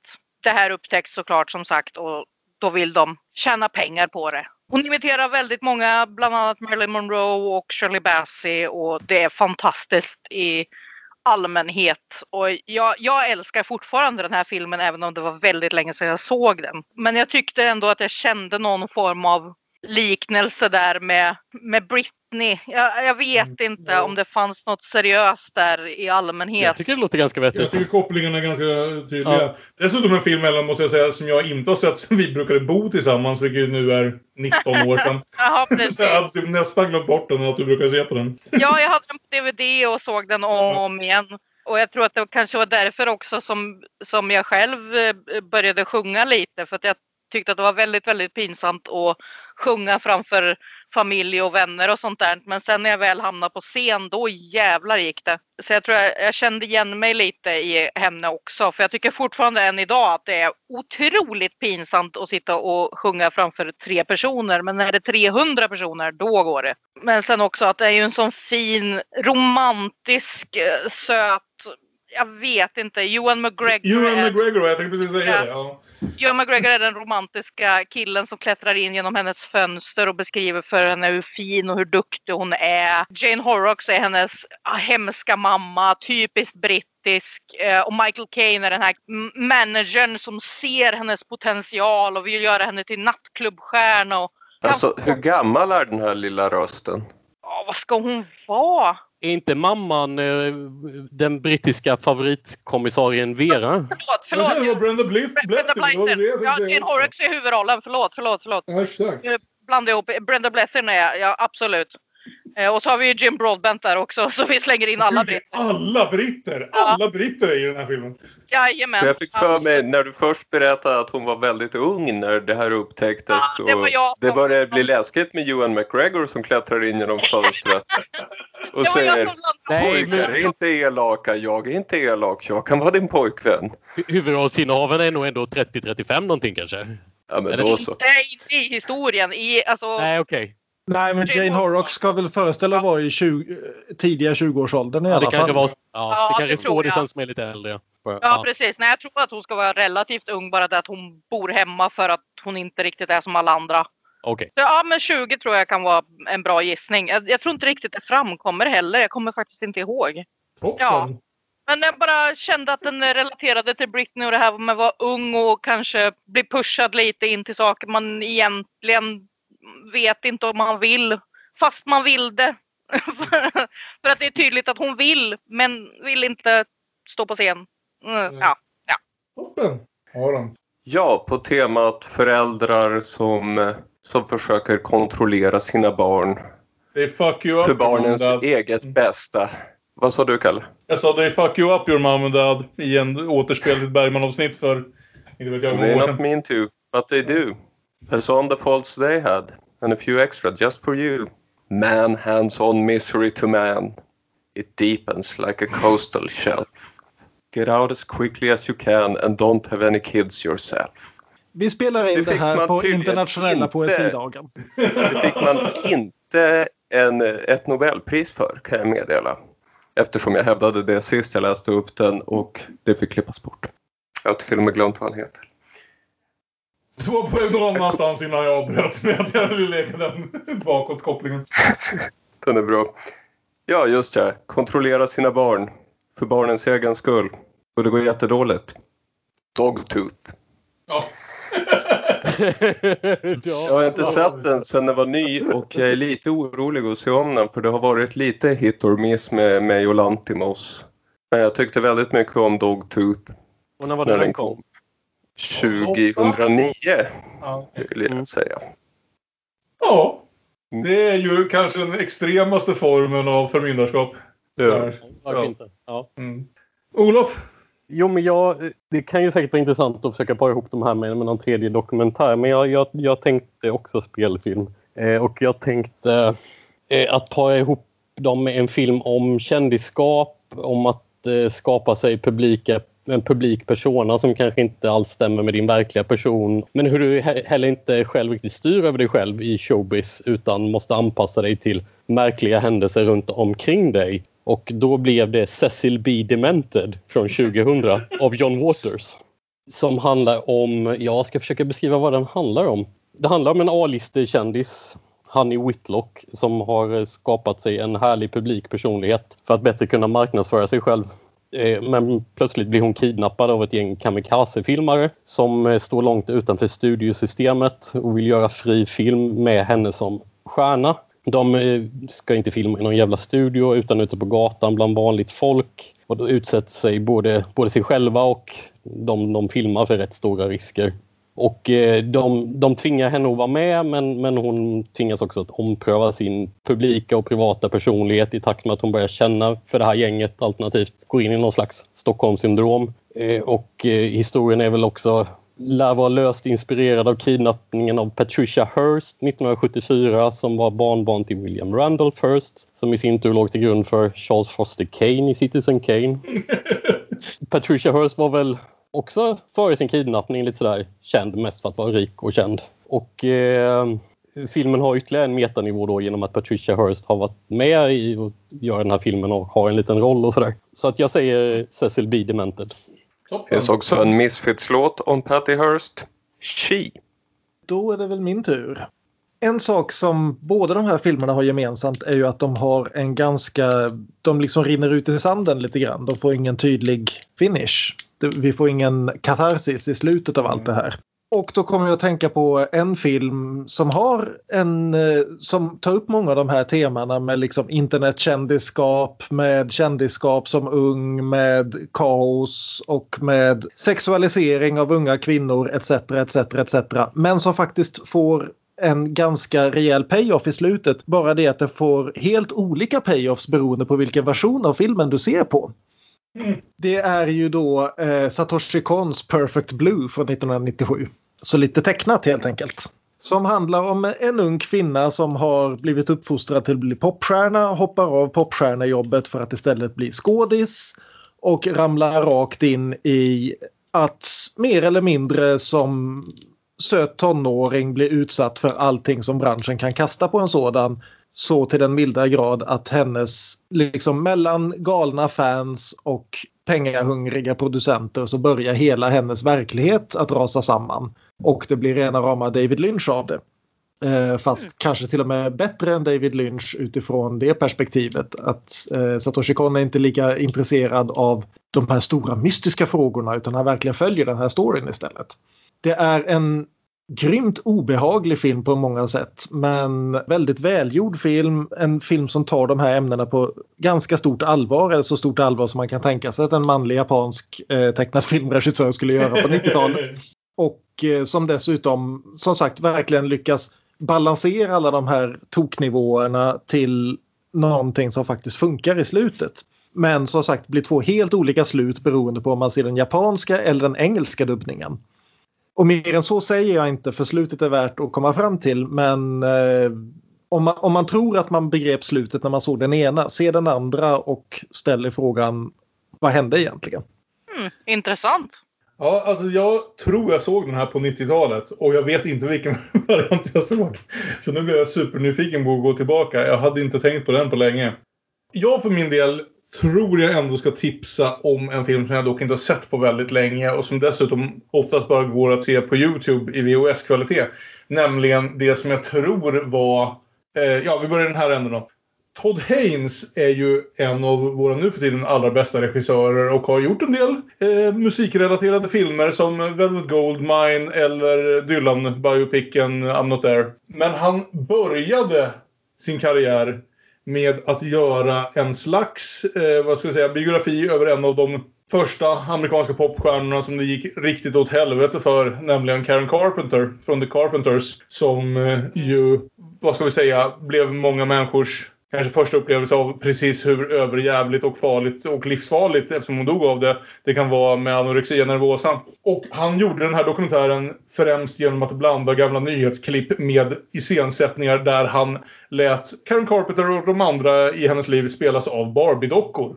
På grund av all musik han använde i filmen och att det var liksom någon slags experiment, eh, till, kanske till och med tror jag någonting han gjorde liksom när han gick i filmskolan, så kunde den aldrig få några officiella släpp för han använde alla Carpenters låtar han kunde komma åt och ingen av de andra i The Carpenters var okej okay med det här. Men den finns på Youtube fortfarande. Jag hann inte se om den för det här för jag såg den för superlänge sedan. Men eh, jag tycker den är intressant både det här att den att gå tillbaka till att liksom titta på Karen Carpenters historia, tragiska livsöde och hur det speglar sig framåt till liksom det vi ser med Britney idag. Och sen även att det är en intressant jävla start för en av våra bästa regissörer. Vad hette filmen sa du? Den heter Superstar, The Karen Carpenter Story och den borde gå att titta på Youtube. Så den är mitt tips. Sen kan jag bara även väldigt kort säga, bara för att jag tänkt på det nu ännu mer under diskussionerna här. Det var inte den jag hade planerat. Men det gjordes en väldigt bra Amy Winehouse-dokumentär här för några år sedan också. Ja, som spelar in på många, så, så spelar in på många av de här ämnena. Men den kändes lite för precis i samma mall som det vi redan har diskuterat för att jag skulle vilja välja den. Men, Precis, det kändes inte som Ja. en tredje. Det kändes som att man kan, man kan se dem på varsin dag men kanske inte efter varandra för att det blir för mycket. Även om samma teman framkommer som under Britney så, så är det liksom, ja. Det kanske är någon där hos Amy som borde ha gett ett förmyndarskap, tänkte jag säga.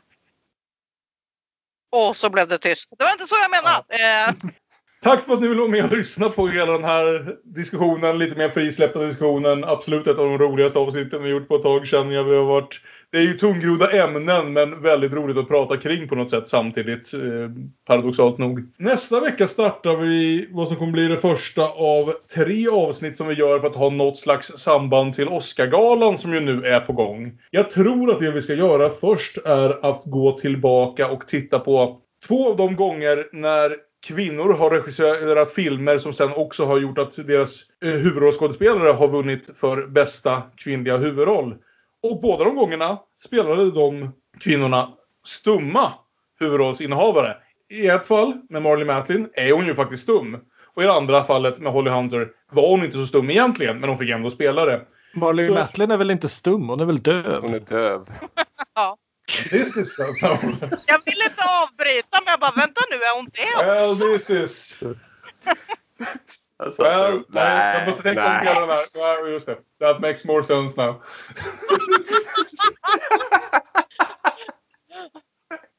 Ljuvligt! Ja. Jag, jag satt och tänkte, men jag har hört henne prata. Jag med! Massor. What are you, deaf? Bingo. Vi kan klippa om det här så att det inte gör det. Vi klipper inte en sekund. Klipp inte! Skitsamma. Vi ska titta på Jane Campions pianot. Vi ska titta på Randa Haynes, Children of a Lesser God. Ellen kommer förhoppningsvis vara med. Det är det första av våra tre, på något sätt Oscar-relaterade avsnitt. Och låten nu då? Vad blir det för något den här veckan? Jag har inte riktigt tänkt med på vad som sades som allra sist, men jag tror att Aron vet det. It's Britney bitch. Det är Unusual You. En personlig favorit. Ni kan nå oss via de sociala medierna. Vi är at Damonpodden på Twitter och på Instagram. Vi är Damonpodden med Ä på Facebook. Man kan mejla damonpodden gmail.com. Det vore ju superspännande om någon ville göra det. Och vi hoppas att ni tycker det här har varit ett kul avsnitt och vill återkomma nästa gång. Ha det så bra tills vidare. Hej då! Ha det! Adjö!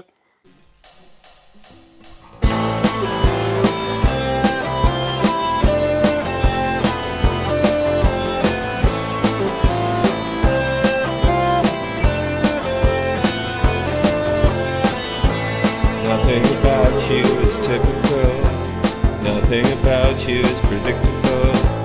You got me all twisted and confused. Up until now, I thought I knew love. Nothing to lose when it's down to cast. Hadn't so far as quick as I do. Bridges are burning, maybe I'm learning a new way of thinking of. Love I can see, nothing will be like it was. Is that because, baby, you're so unusual? Didn't anyone tell you you're supposed to break my heart. I expect you to. So why haven't you? Maybe you're not even human, cause only an angel can be so unusual.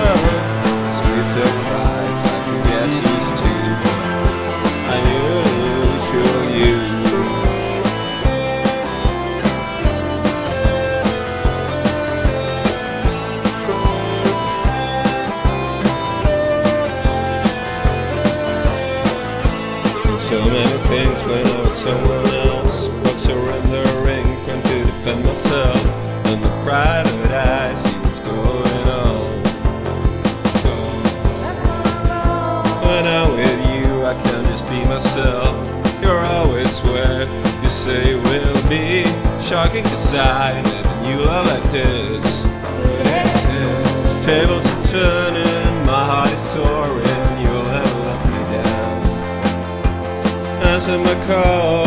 Here after all, never met anyone like you, baby. You're so